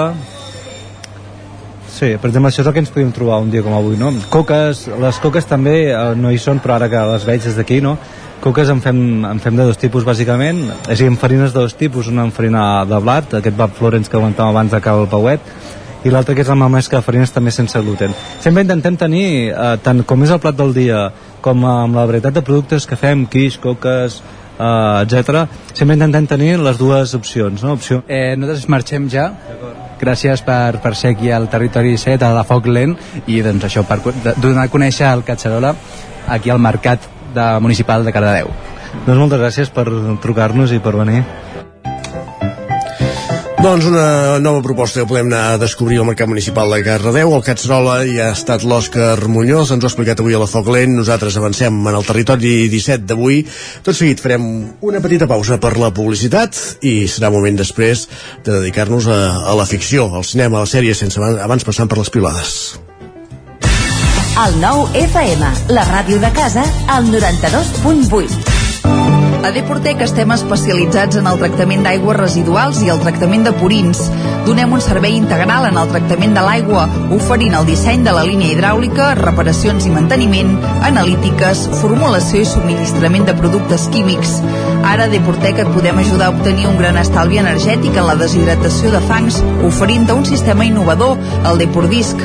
Deportec, ens trobaràs al carrer de la Fusteria 22, al polígon de les Gaules, a Tona. A Rialtec som especialistes en instal·lacions fotovoltaiques, aerotèrmia, clima i instal·lacions integrals pel teu habitatge o la teva empresa. Demana el teu pressupost sense cap compromís. Rialtec. Ens trobaràs al carrer Narcís Monturiol 22 de Gurb i al telèfon 93 131 1796. El diumenge 9 d'octubre tornen els bolets a ceba. 24a edició de la Festa del Bolet, una de les fires de referència pel sector boletaire a Catalunya. Hi trobaràs les tradicionals parades de productes relacionats amb els bolets, testeig i exposicions, activitats i actuacions i l'esperat concurs de bolets. Vine a la 24a Festa del Bolet de Ceba. Més informació a ceba.cat. Cobertes serveis funeraris. Els nostres tanatoris estan ubicats en els nuclis urbans més poblats de la comarca d'Osona per oferir un millor servei. Tanatori de Vic, Tanatori de Manlleu, Tanatori de Centelles i Tanatori de Roda de Ter. Sabem que són moments difícils i per això el nostre compromís és atendre-us en tot moment amb un tracte humà, sensible i respectuós. Cobertes serveis funeraris. Telèfon 24 hores 93 883 23 46. Amb Pradell estalvio energia i cuido la meva butxaca i el medi ambient. Posa't en mans a Pradell, són experts en calderes de gas i condensació, estufes de pelat, energia solar, terres radiants i geotèrmia. Pradell instal·la calderes de biomassa per a particulars i per a empreses. Si vols estalviar un 50% en consum, contacta amb Pradell i passa't a les energies renovables. Pradell som a l'Avinguda Països Catalans 27 de Vic. Telèfon 93 885 1197. Pradell.cat. Cocodril Club. Si t'agrada la bona música dels anys 60, 70 i 80, escolta el 9 FM als matins de dissabtes i diumenges d'11 a 1. És el temps del Cocodril Club, tot un clàssic de la ràdio, amb les bases del pop-rock, les llegendes, les cançons que s'han convertit en autèntics himnes. Recorda, dissabtes i diumenges al matí, d'11 a 1, al 9 FM 92.8. Cocodril Club, el programa revival de l'Albert Malla. Hasta luego, cocodrilo. En punt ara mateix, al territori 17 són dos quarts d'onze, és l'hora Sánchez.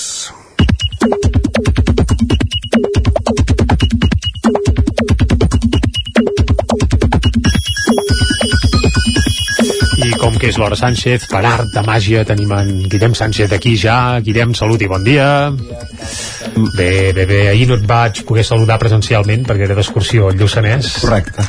Uh, però avui sí, eh? Tampoc hi eres, Jo també estava d'excursió Ah, tu també? Correcte. Ostres, ostres, Sí, sí. val, doncs ara, pla, doncs... Ens vam posar d'acord, em Quines sembla. excursions, però no eres al Lluçanès, eh? On No. vas anar d'excursió ahir? A la biblioteca Pilarín Vallès. Ah, em sona, bé, em, sona. sonarà. Em sonarà, sí. Properament. Passaràs Molt hores aviat. Molt bé, va. Uh, va, no parlarem ni del Lluçanès ni de biblioteca, sinó que segurament ens centrarem a parlar d'aquesta esquerda ja permanent eh, i eterna, però que sembla que s'ha accentuat entre Esquerra i Junts, oi? Correcte, la Bel ens diu, segons els darrers CEOs, només el 41% dels catalans sap que el president del govern és Pere Aragonès i només un 33% sap que el govern és una coalició entre Esquerra i Junts. Diu, la desafecció amb aquest sainet anomenat política catalana post-2017 és descomunal. El rei, bueno, recordem que ahir al vespre Puigneró va ser cessat com a vicepresident del Sí, sí, sí, sí. govern i també l'han cessat com a conseller de polítiques digitals.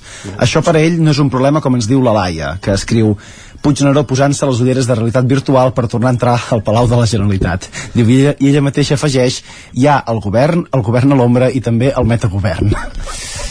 Ai, ai, Déu. és que dona per molt, eh? Però el- aquesta dada que el deies al principi de tot... Eh... ole, ole.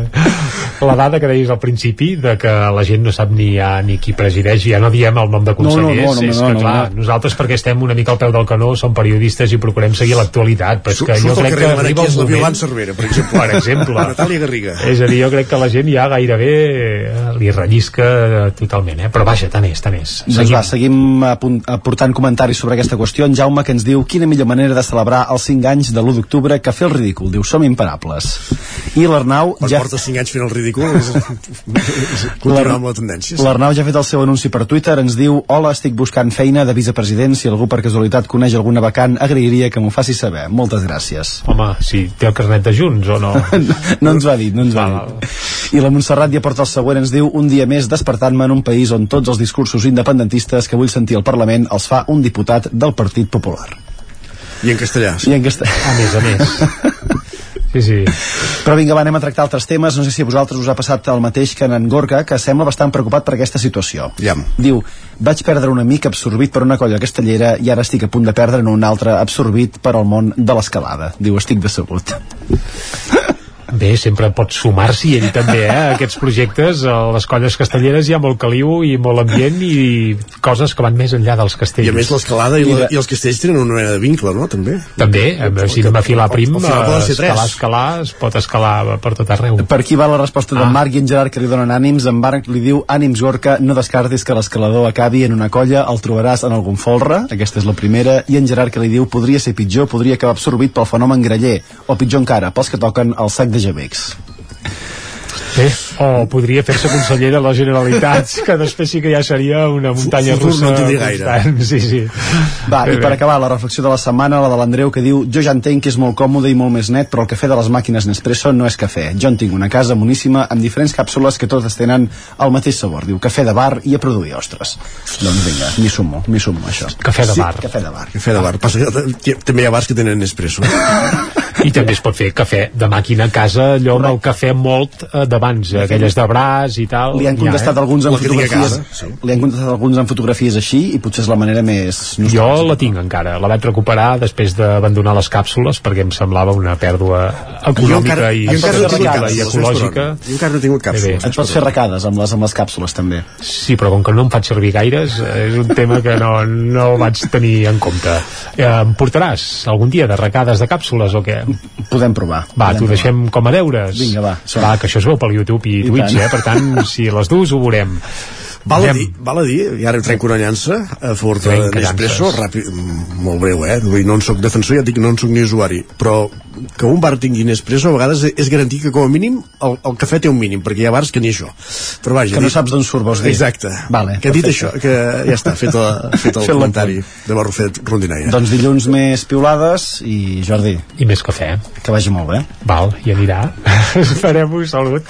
Vinga, a reveure com dulla les portades del 99.cat abans de seguir endavant amb el Territori 17. Comencem fent una ullada a l'edició del Vallès Oriental, però bé, està a cavall d'Osona, eh? perquè ara mateix el tema que l'encapçala és aigua freda, que avui fa el ple per arrencar el procés per deixar de ser del Vallès Oriental i passar a ser d'Osona. Això és la informació que obre ara mateix el 99.cat del Vallès Oriental. També trobem que alumnes de Parets participen en un taller sobre contaminació acústica i atmosfèrica i que enxampen un conductor a 140 km per hora a la carretera de Vall d'Oriolf, a la Roca del Vallès. A 140, eh? Ja em sembla que es pot anar a 60, per tant, Bé. una mica passat. Anem cap a Osona i el Ripollès, que ara mateix obre explicant que l'Ajuntament comprarà el Club Pativic i la instal·lació passarà a ser municipal. És la informació amb la qual obríem el territori 17 d'avui i, home, és cert que és una autèntica bé, bomba. bomba. Potser es veia venir, però, clar, no acabava d'espetegar i finalment sí. El Club Pativic serà municipal. Per tant, tindrem piscina municipal a Vic de 100, de 50 metres, ves per on. I més coses, també hi apareix que el GDT presenta un mapa amb les 220 denúncies sobre el medi natural que ha recollit al llarg dels darrers 30 anys. Aquesta presentació es va fer ahir i també la reconstrucció del crim masclista a Camp de Bànol. Això també apareix al 99.cat d'Osona i el Ripollès. Doncs, repassats eh, els digitals, anem cap al cinema. Territori 17, el 9 FM, la veu de Sant Joan, Ona Codinenca, Ràdio Cardedeu, Territori 17. I ja sabeu que el Territori 17 parlar de cinema és parlar de la veu de Sant Joan, és anar cap a la veu amb en Joan Garcia i en Gerard Foses, allà ens esperen, per posar-nos al dia de la cartellera, de, de les estrenes a casa nostra, quan vulgueu. I aquesta sintonia ja la coneixeu, us agrada, la veieu, n'estic segur. Uh, és la sintonia del cinema i de donar la benvinguda a en Gerard Fosses a la veu de Sant Joan i al territori 17 Hola, Gerard. Hola, què tal? Com estàs? Doncs molt bé, ja tu, tu també la balles. vacances, Tu també la balles. Tu també la balles, aquesta cançó. Sí, home. La sintonia. Sí, sempre. De, de fet, a vegades me l'he posat al mòbil i tot, de sintonia de trucada. Mhm. El problema és que tinc el mòbil en silenci. Ah. Així pots posar la que et doni la gana. Um, Sí, exacte. Vacances? Dius que estàs a punt de vacances? Sí, són, són vacances que faig treballant, més o menys, perquè són això per anar a Sitges a, a veure el festival i explicar-lo també una miqueta per la ràdio, com, com ja fem des de fa uns quants anys. Molt bé. Doncs contents que un any més hi, hi siguis i un any més ens aportis doncs, la informació directament des del Festival de Sitges. Això encara queda una setmana i pico. Sí, no sé, una setmana i pico. Ja comença dijous que ve. Setmana i escaig per començar a parlar de, i escoltar de, el cinema d'en Gerard des de Sitges anem a fer un repàs de, de les estrenes de la setmana que els de les sèries que venen després al Territori 17 se'n van enfadar perquè no es van enfadar, és broma, eh? però no van poder fer la secció de, de, de sèries per tant que anem de cara a barraca la primera, Doncs anirem ràpid. Anem amb la, una de les estrenes de la temporada. És una pel·lícula que ja va passar pel Festival de Venècia i amb gran èxit perquè se'n van portar una ovació sonora per Anna de Armas eh, interpretant a Marilyn Monroe en aquesta pel·lícula que es titula Blonde. Miss Monroe, it's time.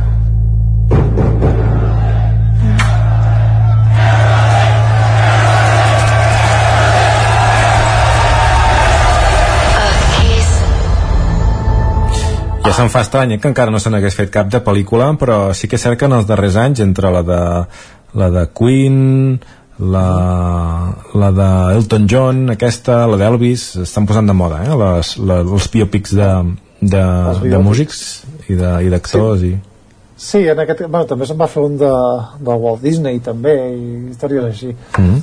Um, sí, en, en aquest cas estan parlant d'un biòpic de, de Marilyn Monroe que sí que es va fer una, una coseta fa uns anys una pel·lícula que es, que es titula Mi setmana con Marilyn Mm -hmm. que estava molt bé també però no era ben bé un biòpic era un, el protagonista diguem que era un noi que la coneixia durant això, una setmana i en aquest cas sí que ens endinsem en la figura de, de Marilyn Monroe amb un material que realment és fictici perquè està basat en una novel·la de, de Joyce Carol Oates que és, ha guanyat el Pulitzer diverses vegades no, no sé si l'ha arribat a guanyar però ha estat finalista del Pulitzer diverses vegades Mm -hmm. i, i bé, va crear aquesta novel·la com ficant-se a la pell de la Marilyn Monroe no? Mm i tot aquest material l'ha recollit Andrew Dominic que és un director que feia 10 anys que no feia pel·lícules de ficció sí que ha estat en sèries, ha estat en documental però, però bé, és un director molt reputat tot i la seva filmografia curta i en aquest cas eh, a través d'un encàrrec de Netflix doncs, doncs s'ha s'ha immers en aquest material de, de Carol Oates i, i en la figura de Marilyn Monroe. Mhm. um, diguem que és una pel·lícula molt estranya no és el biòpic aquest comercial que ens podem imaginar. És una cosa molt, molt més imaginativa que, que abunda molt més en tot el que, el que és la, la figura aquesta fosca d'una gran estrella en Mhm. aquest cas potser la- l'actriu més emblemàtica de, de la història del cinema com és la Marilyn i, i gairebé per punts és això, una pel·lícula que és un drama que és una pel·lícula de terror no? una mica molt a l'estil Rebecca de, de Hitchcock Mm -hmm. o fins i tot a Jackie no? que, que vam veure fa un parell d'anys sobre aquesta figura de la Jackie Kennedy allà com empresonada entre, entre, unes, entre unes quatre parets no? després de l'assassinat del seu marit Mhm. Eh, diguem que és, és bàsicament un estudi de personatge i per això destaca tant la interpretació d'Anna de Armas que sí que va ser una elecció controvertida però que porta ja uns quants anys demostrant que és una grandíssima actriu Mhm. i, i bé, i aquí és això és un, una actriu que molt probablement o s'emporta l'Òscar o segur que estarà nominada a tots els premis aquesta, aquesta temporada molt bé, interessant aquesta primera proposta d'avui, Blond um, la següent recordeu? La teniu a Netflix, eh? ah, sí? Sí, sí, és, és estrena directa a Netflix no sé si la fan en algun cine però, però ja és accessible per tothom a, a través de la plataforma molt bé, parlaves d'això que fins i tot una pel·lícula de terror la que ve ara em sembla que sí que ho és, oi?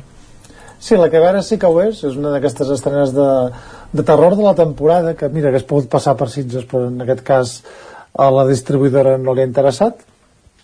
Eh, és una pel·lícula molt inquietant que es titula Smile. Estoy viendo algo que nadie más ve aparte de mí. Me estás sonriendo. ¡Dios mío! ¡No!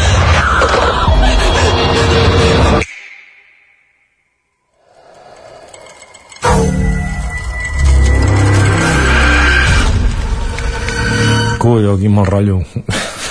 Sí, eh, efectivament. Normalment no, no veig les pel·lícules de por i no, i no, no em fan por els trailers, però aquest me l'ha fet, eh? Sí, sí. Sí, sí, realment, amb aquesta, a més amb aquest somriure que es va dibuixant Mm -hmm. a les cares dels personatges, que per això es titula Smile la, la pel·lícula, Mhm. doncs és realment molt inquietant.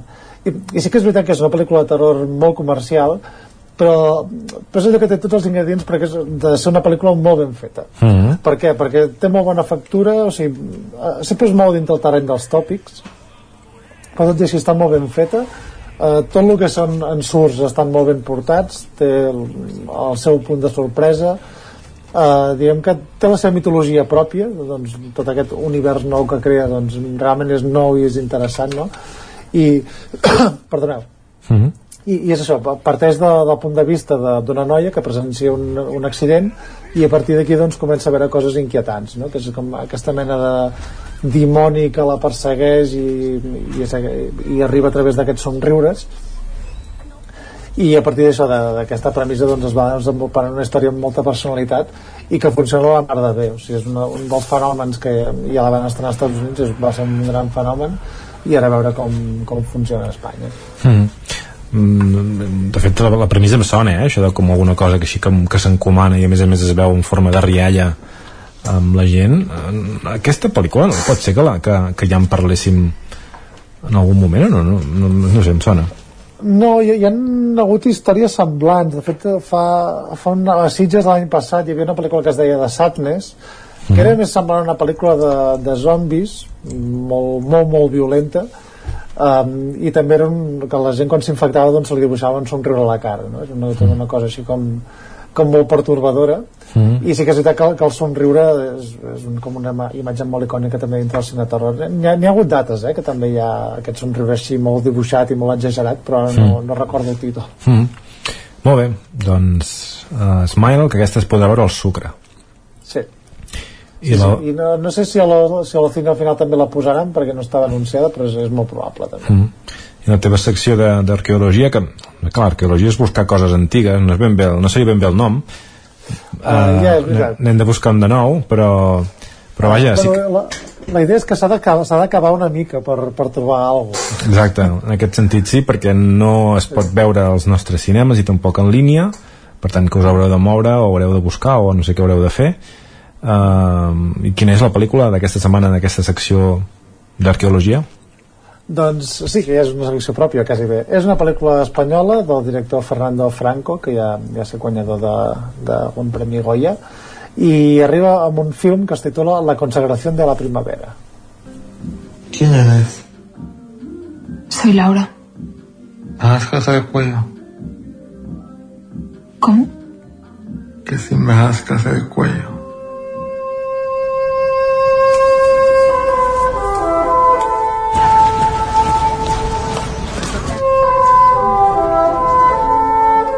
Son todas muy guapas. El gusto no lo tengo afectado. Tú también eres muy guapa. Ja. Molt bé, explica'ns.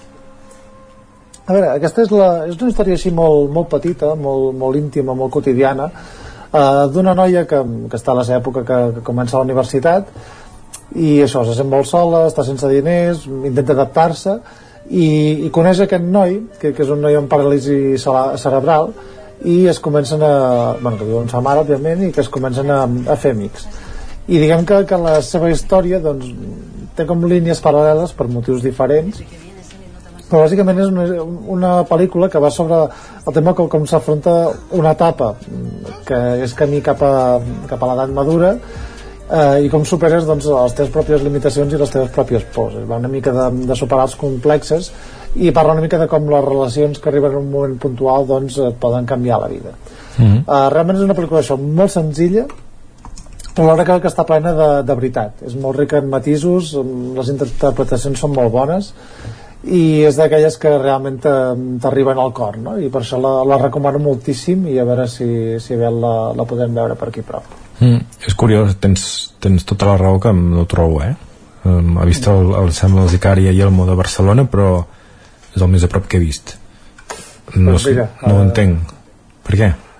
Uh, no sé, això ja són estratègies de, de distribució segurament van a quatre capitals d'Espanya poc més i mira que és una pel·lícula que estava a secció oficial a, a Donosti vull dir que mm. segurament se'n parlarà més d'aquest film mm. el que passa que clar um, és una pel·lícula petita i la gent no, no les va veure normalment mm.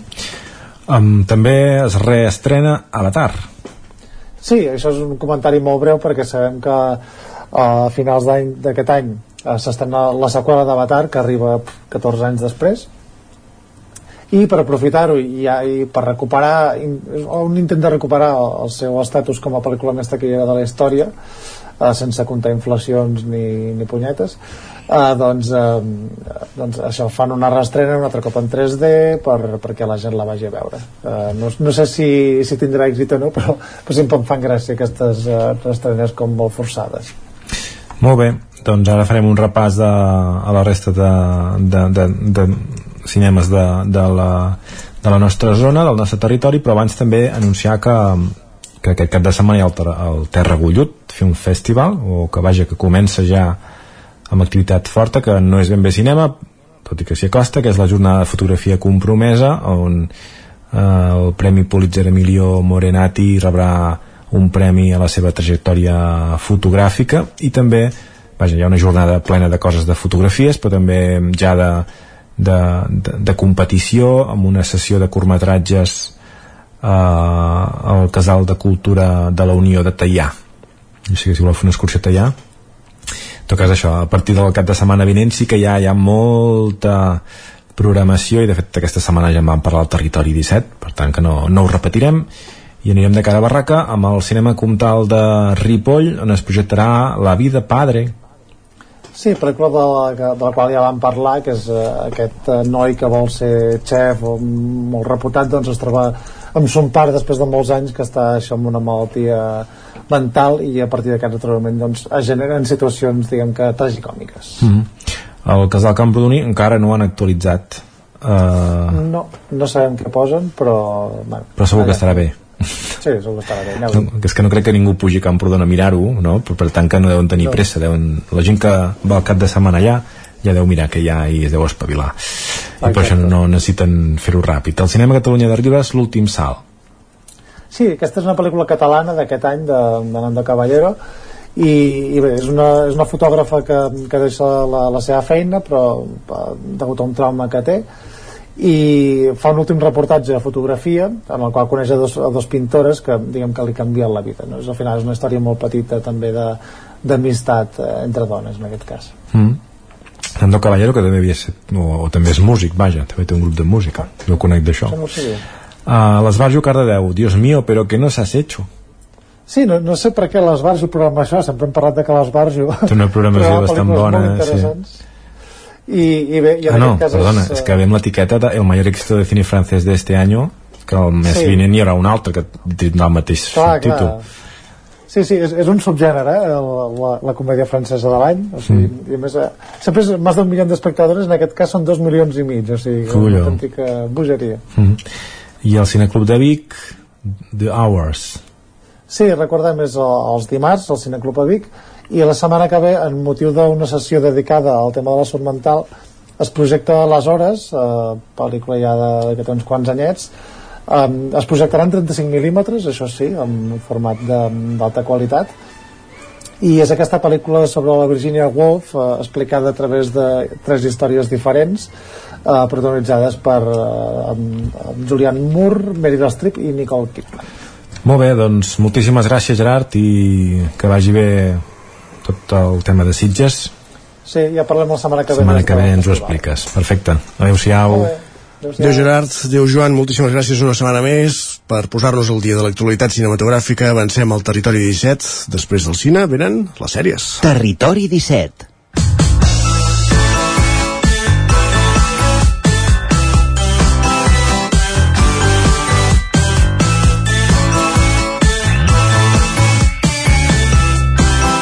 per parlar de sèries ens acompanyen l'Òscar Muñoz i l'Isaac Muntades. Uh, benvinguts a tots dos. Isaac, per on vols començar? Quina sèrie ens recomanes aquesta setmana? Ara espera que t'obriré el micro, va, ara sí. Aquesta setmana us recomano una sèrie que a més a més l'he acabat de veure també precisament res, eh, em sembla que fa un parell de dies, que es diu El Diablo en Ohio. És una minissèrie, ara està molt de moda això de fer uh, sèries que són autoconclusives d'una sola temporada, que són sis capítols. No a mi, és, aquest, no a mi m'agraden aquestes i, i que a Sí. més els capítols no siguin gaire llargs Exacte. Perdó, he dit sis capítols, volia dir vuit, eh? Són dos més, però, però són això, eh? Capítols que no arriben ni tan sols a, a l'hora, eh? Vull dir que això està bé i a més a més ja, ja et maten una mica tot el que és la, la sèrie. Uh, és, una, és una sèrie que té, és una espècie entre barreja de thriller, sèrie de, de suspens, també s'hi barreja una mica el terror, però un terror no sobrenatural, eh, tot i que es, es pot arribar a intuir.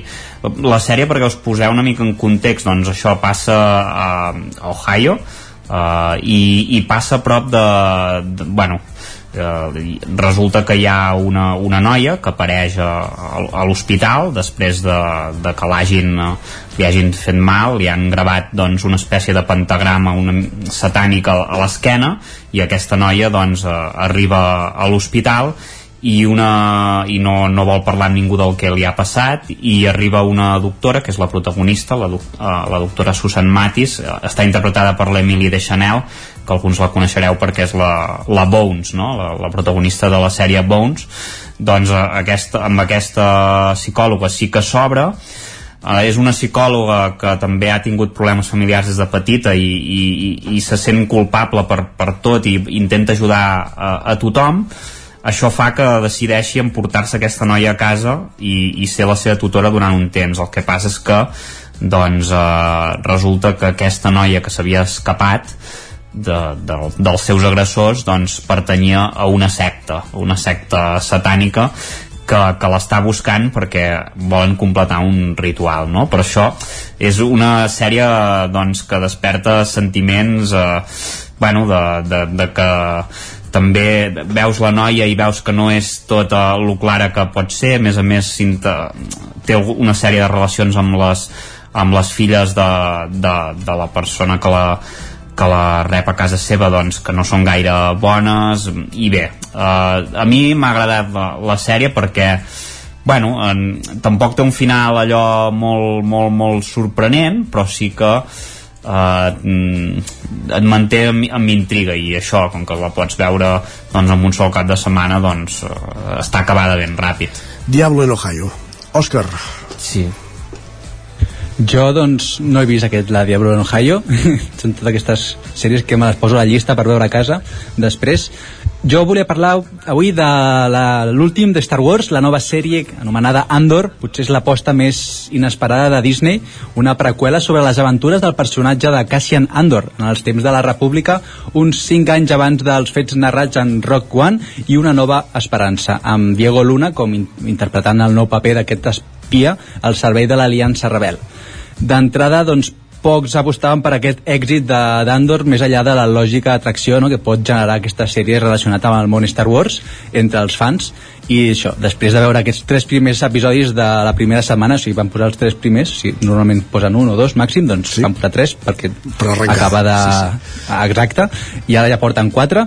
I bueno, això, doncs va doncs, despertar molt interès entre la, la crítica i el públic en general a mi, doncs, la vaig començar a veure, no m'he acabat els quatre capítols que hi han. En aquestes sèries són les típiques de Disney que, bueno, que ja saps com acabaran, no? Ja saps que no mataran el protagonista perquè després els podem trobar a, a Rock One i, i això, sigui, que més o menys doncs, per, per veure la, la història a veure davant d'aquest personatge. En un principi aquesta sèrie era de 5 temporades però finalment es va decidir que Andor es fes només amb dues temporades de 12 capítols cadascuna. La primera temporada es parlarà més del primer d'aquests 5 anys de, això, dels 5 anys i la segona temporada es parlarà dels 4 anys restants fins a enllaçar amb la, amb la Rock One que és d'on veníem molt bé la recomano, doncs esperem que acabi la sèrie, però això té bona pinta i està molt ben feta. Isaac, en tenies una altra que dius que tens a mitges, eh? Uh, no, bueno, en, tinc vàries, ah. però vull dir, n'hi ha una altra que tinc acabada, si vols, també, que us endavant, la puc, sí, sí. que us la puc comentar, que aquesta és, és Narco, Narco Santos, que possiblement és una de les grans sorpreses. Clar, tot, totes el que són sèries coreanes últimament estan triomfant molt, i a més és, és una sèrie que està basada una mica en, en una història real, eh? que és, és un thriller que això són, són sis episodis, aquesta també és autoconclusiva, de 50-70 minuts. Es tracta d'un ciutadà coreà, en Kang Gin, que viu una vida molt, bueno, molt complicada perquè no acaba de... ha de mantenir la seva família, treballa moltes hores no, i, i vol fer un negoci estrella, no? I què passa? Doncs amb un amic se'n van al Surinam, una, un país d'Amèrica de, del Sud, perquè allà doncs, eh, les ratlles, els peixos, eh, diguéssim, són, són més eh, barats d'exportar a Corea i, es, bueno, i, i munten com una espècie de negoci que es poden fer d'or, no? Quan van allà se n'adonen que Surinam és un país molt corrupte, que està plegat de, narco, de narcotraficants i aquí se, bueno, eh, s'acaben eh, ajuntant amb un dels narcotraficants de, de, del país, eh, el pastor John Johan, que és, eh, teòricament és capellà, però en realitat és una, una tapadera, no? I, i això el porta doncs, que acaba a la presó perquè li, li col·loquen drogues a les seves importacions de, de ratlles i el que ha de passar doncs, és que amb l'ajuda d'un agent ha de destapar una mica aquesta organització, no? Vull dir que acaba convertint-se en un agent policia, que és un, és, és una sèrie que és dura però també té parts de, de comèdia i fa, fa gràcia en certs moments. Doncs prenem nota. Òscar, Isaac, gràcies un dijous més. Fins demà. Fins demà. Fins demà. I acabem aquí el territori 17 d'aquest dijous 29 de setembre de 2022 començàvem amb aquestes dues notícies de la nit. La compra del Club Patí Vic per part de l'Ajuntament de Vic i la crisi al govern de la Generalitat. Cessant el vicepresident Puigneró. Us hem acompanyat des de les 9 Pepa Costa, Maria López, Caral Campàs Isaac Muntades, Òscar Muñoz, Gerard Fossa, Joan Garcia Jordi Sunyer i Isaac Moreno. I tornem demà a la mateixa hora a les 9 fins aleshores, bon dijous i gràcies per ser-hi. Territori 17 un magazín del nou FM. La veu de Sant Joan, Ona Codinenca i Ràdio Cardedeu amb el suport de la xarxa.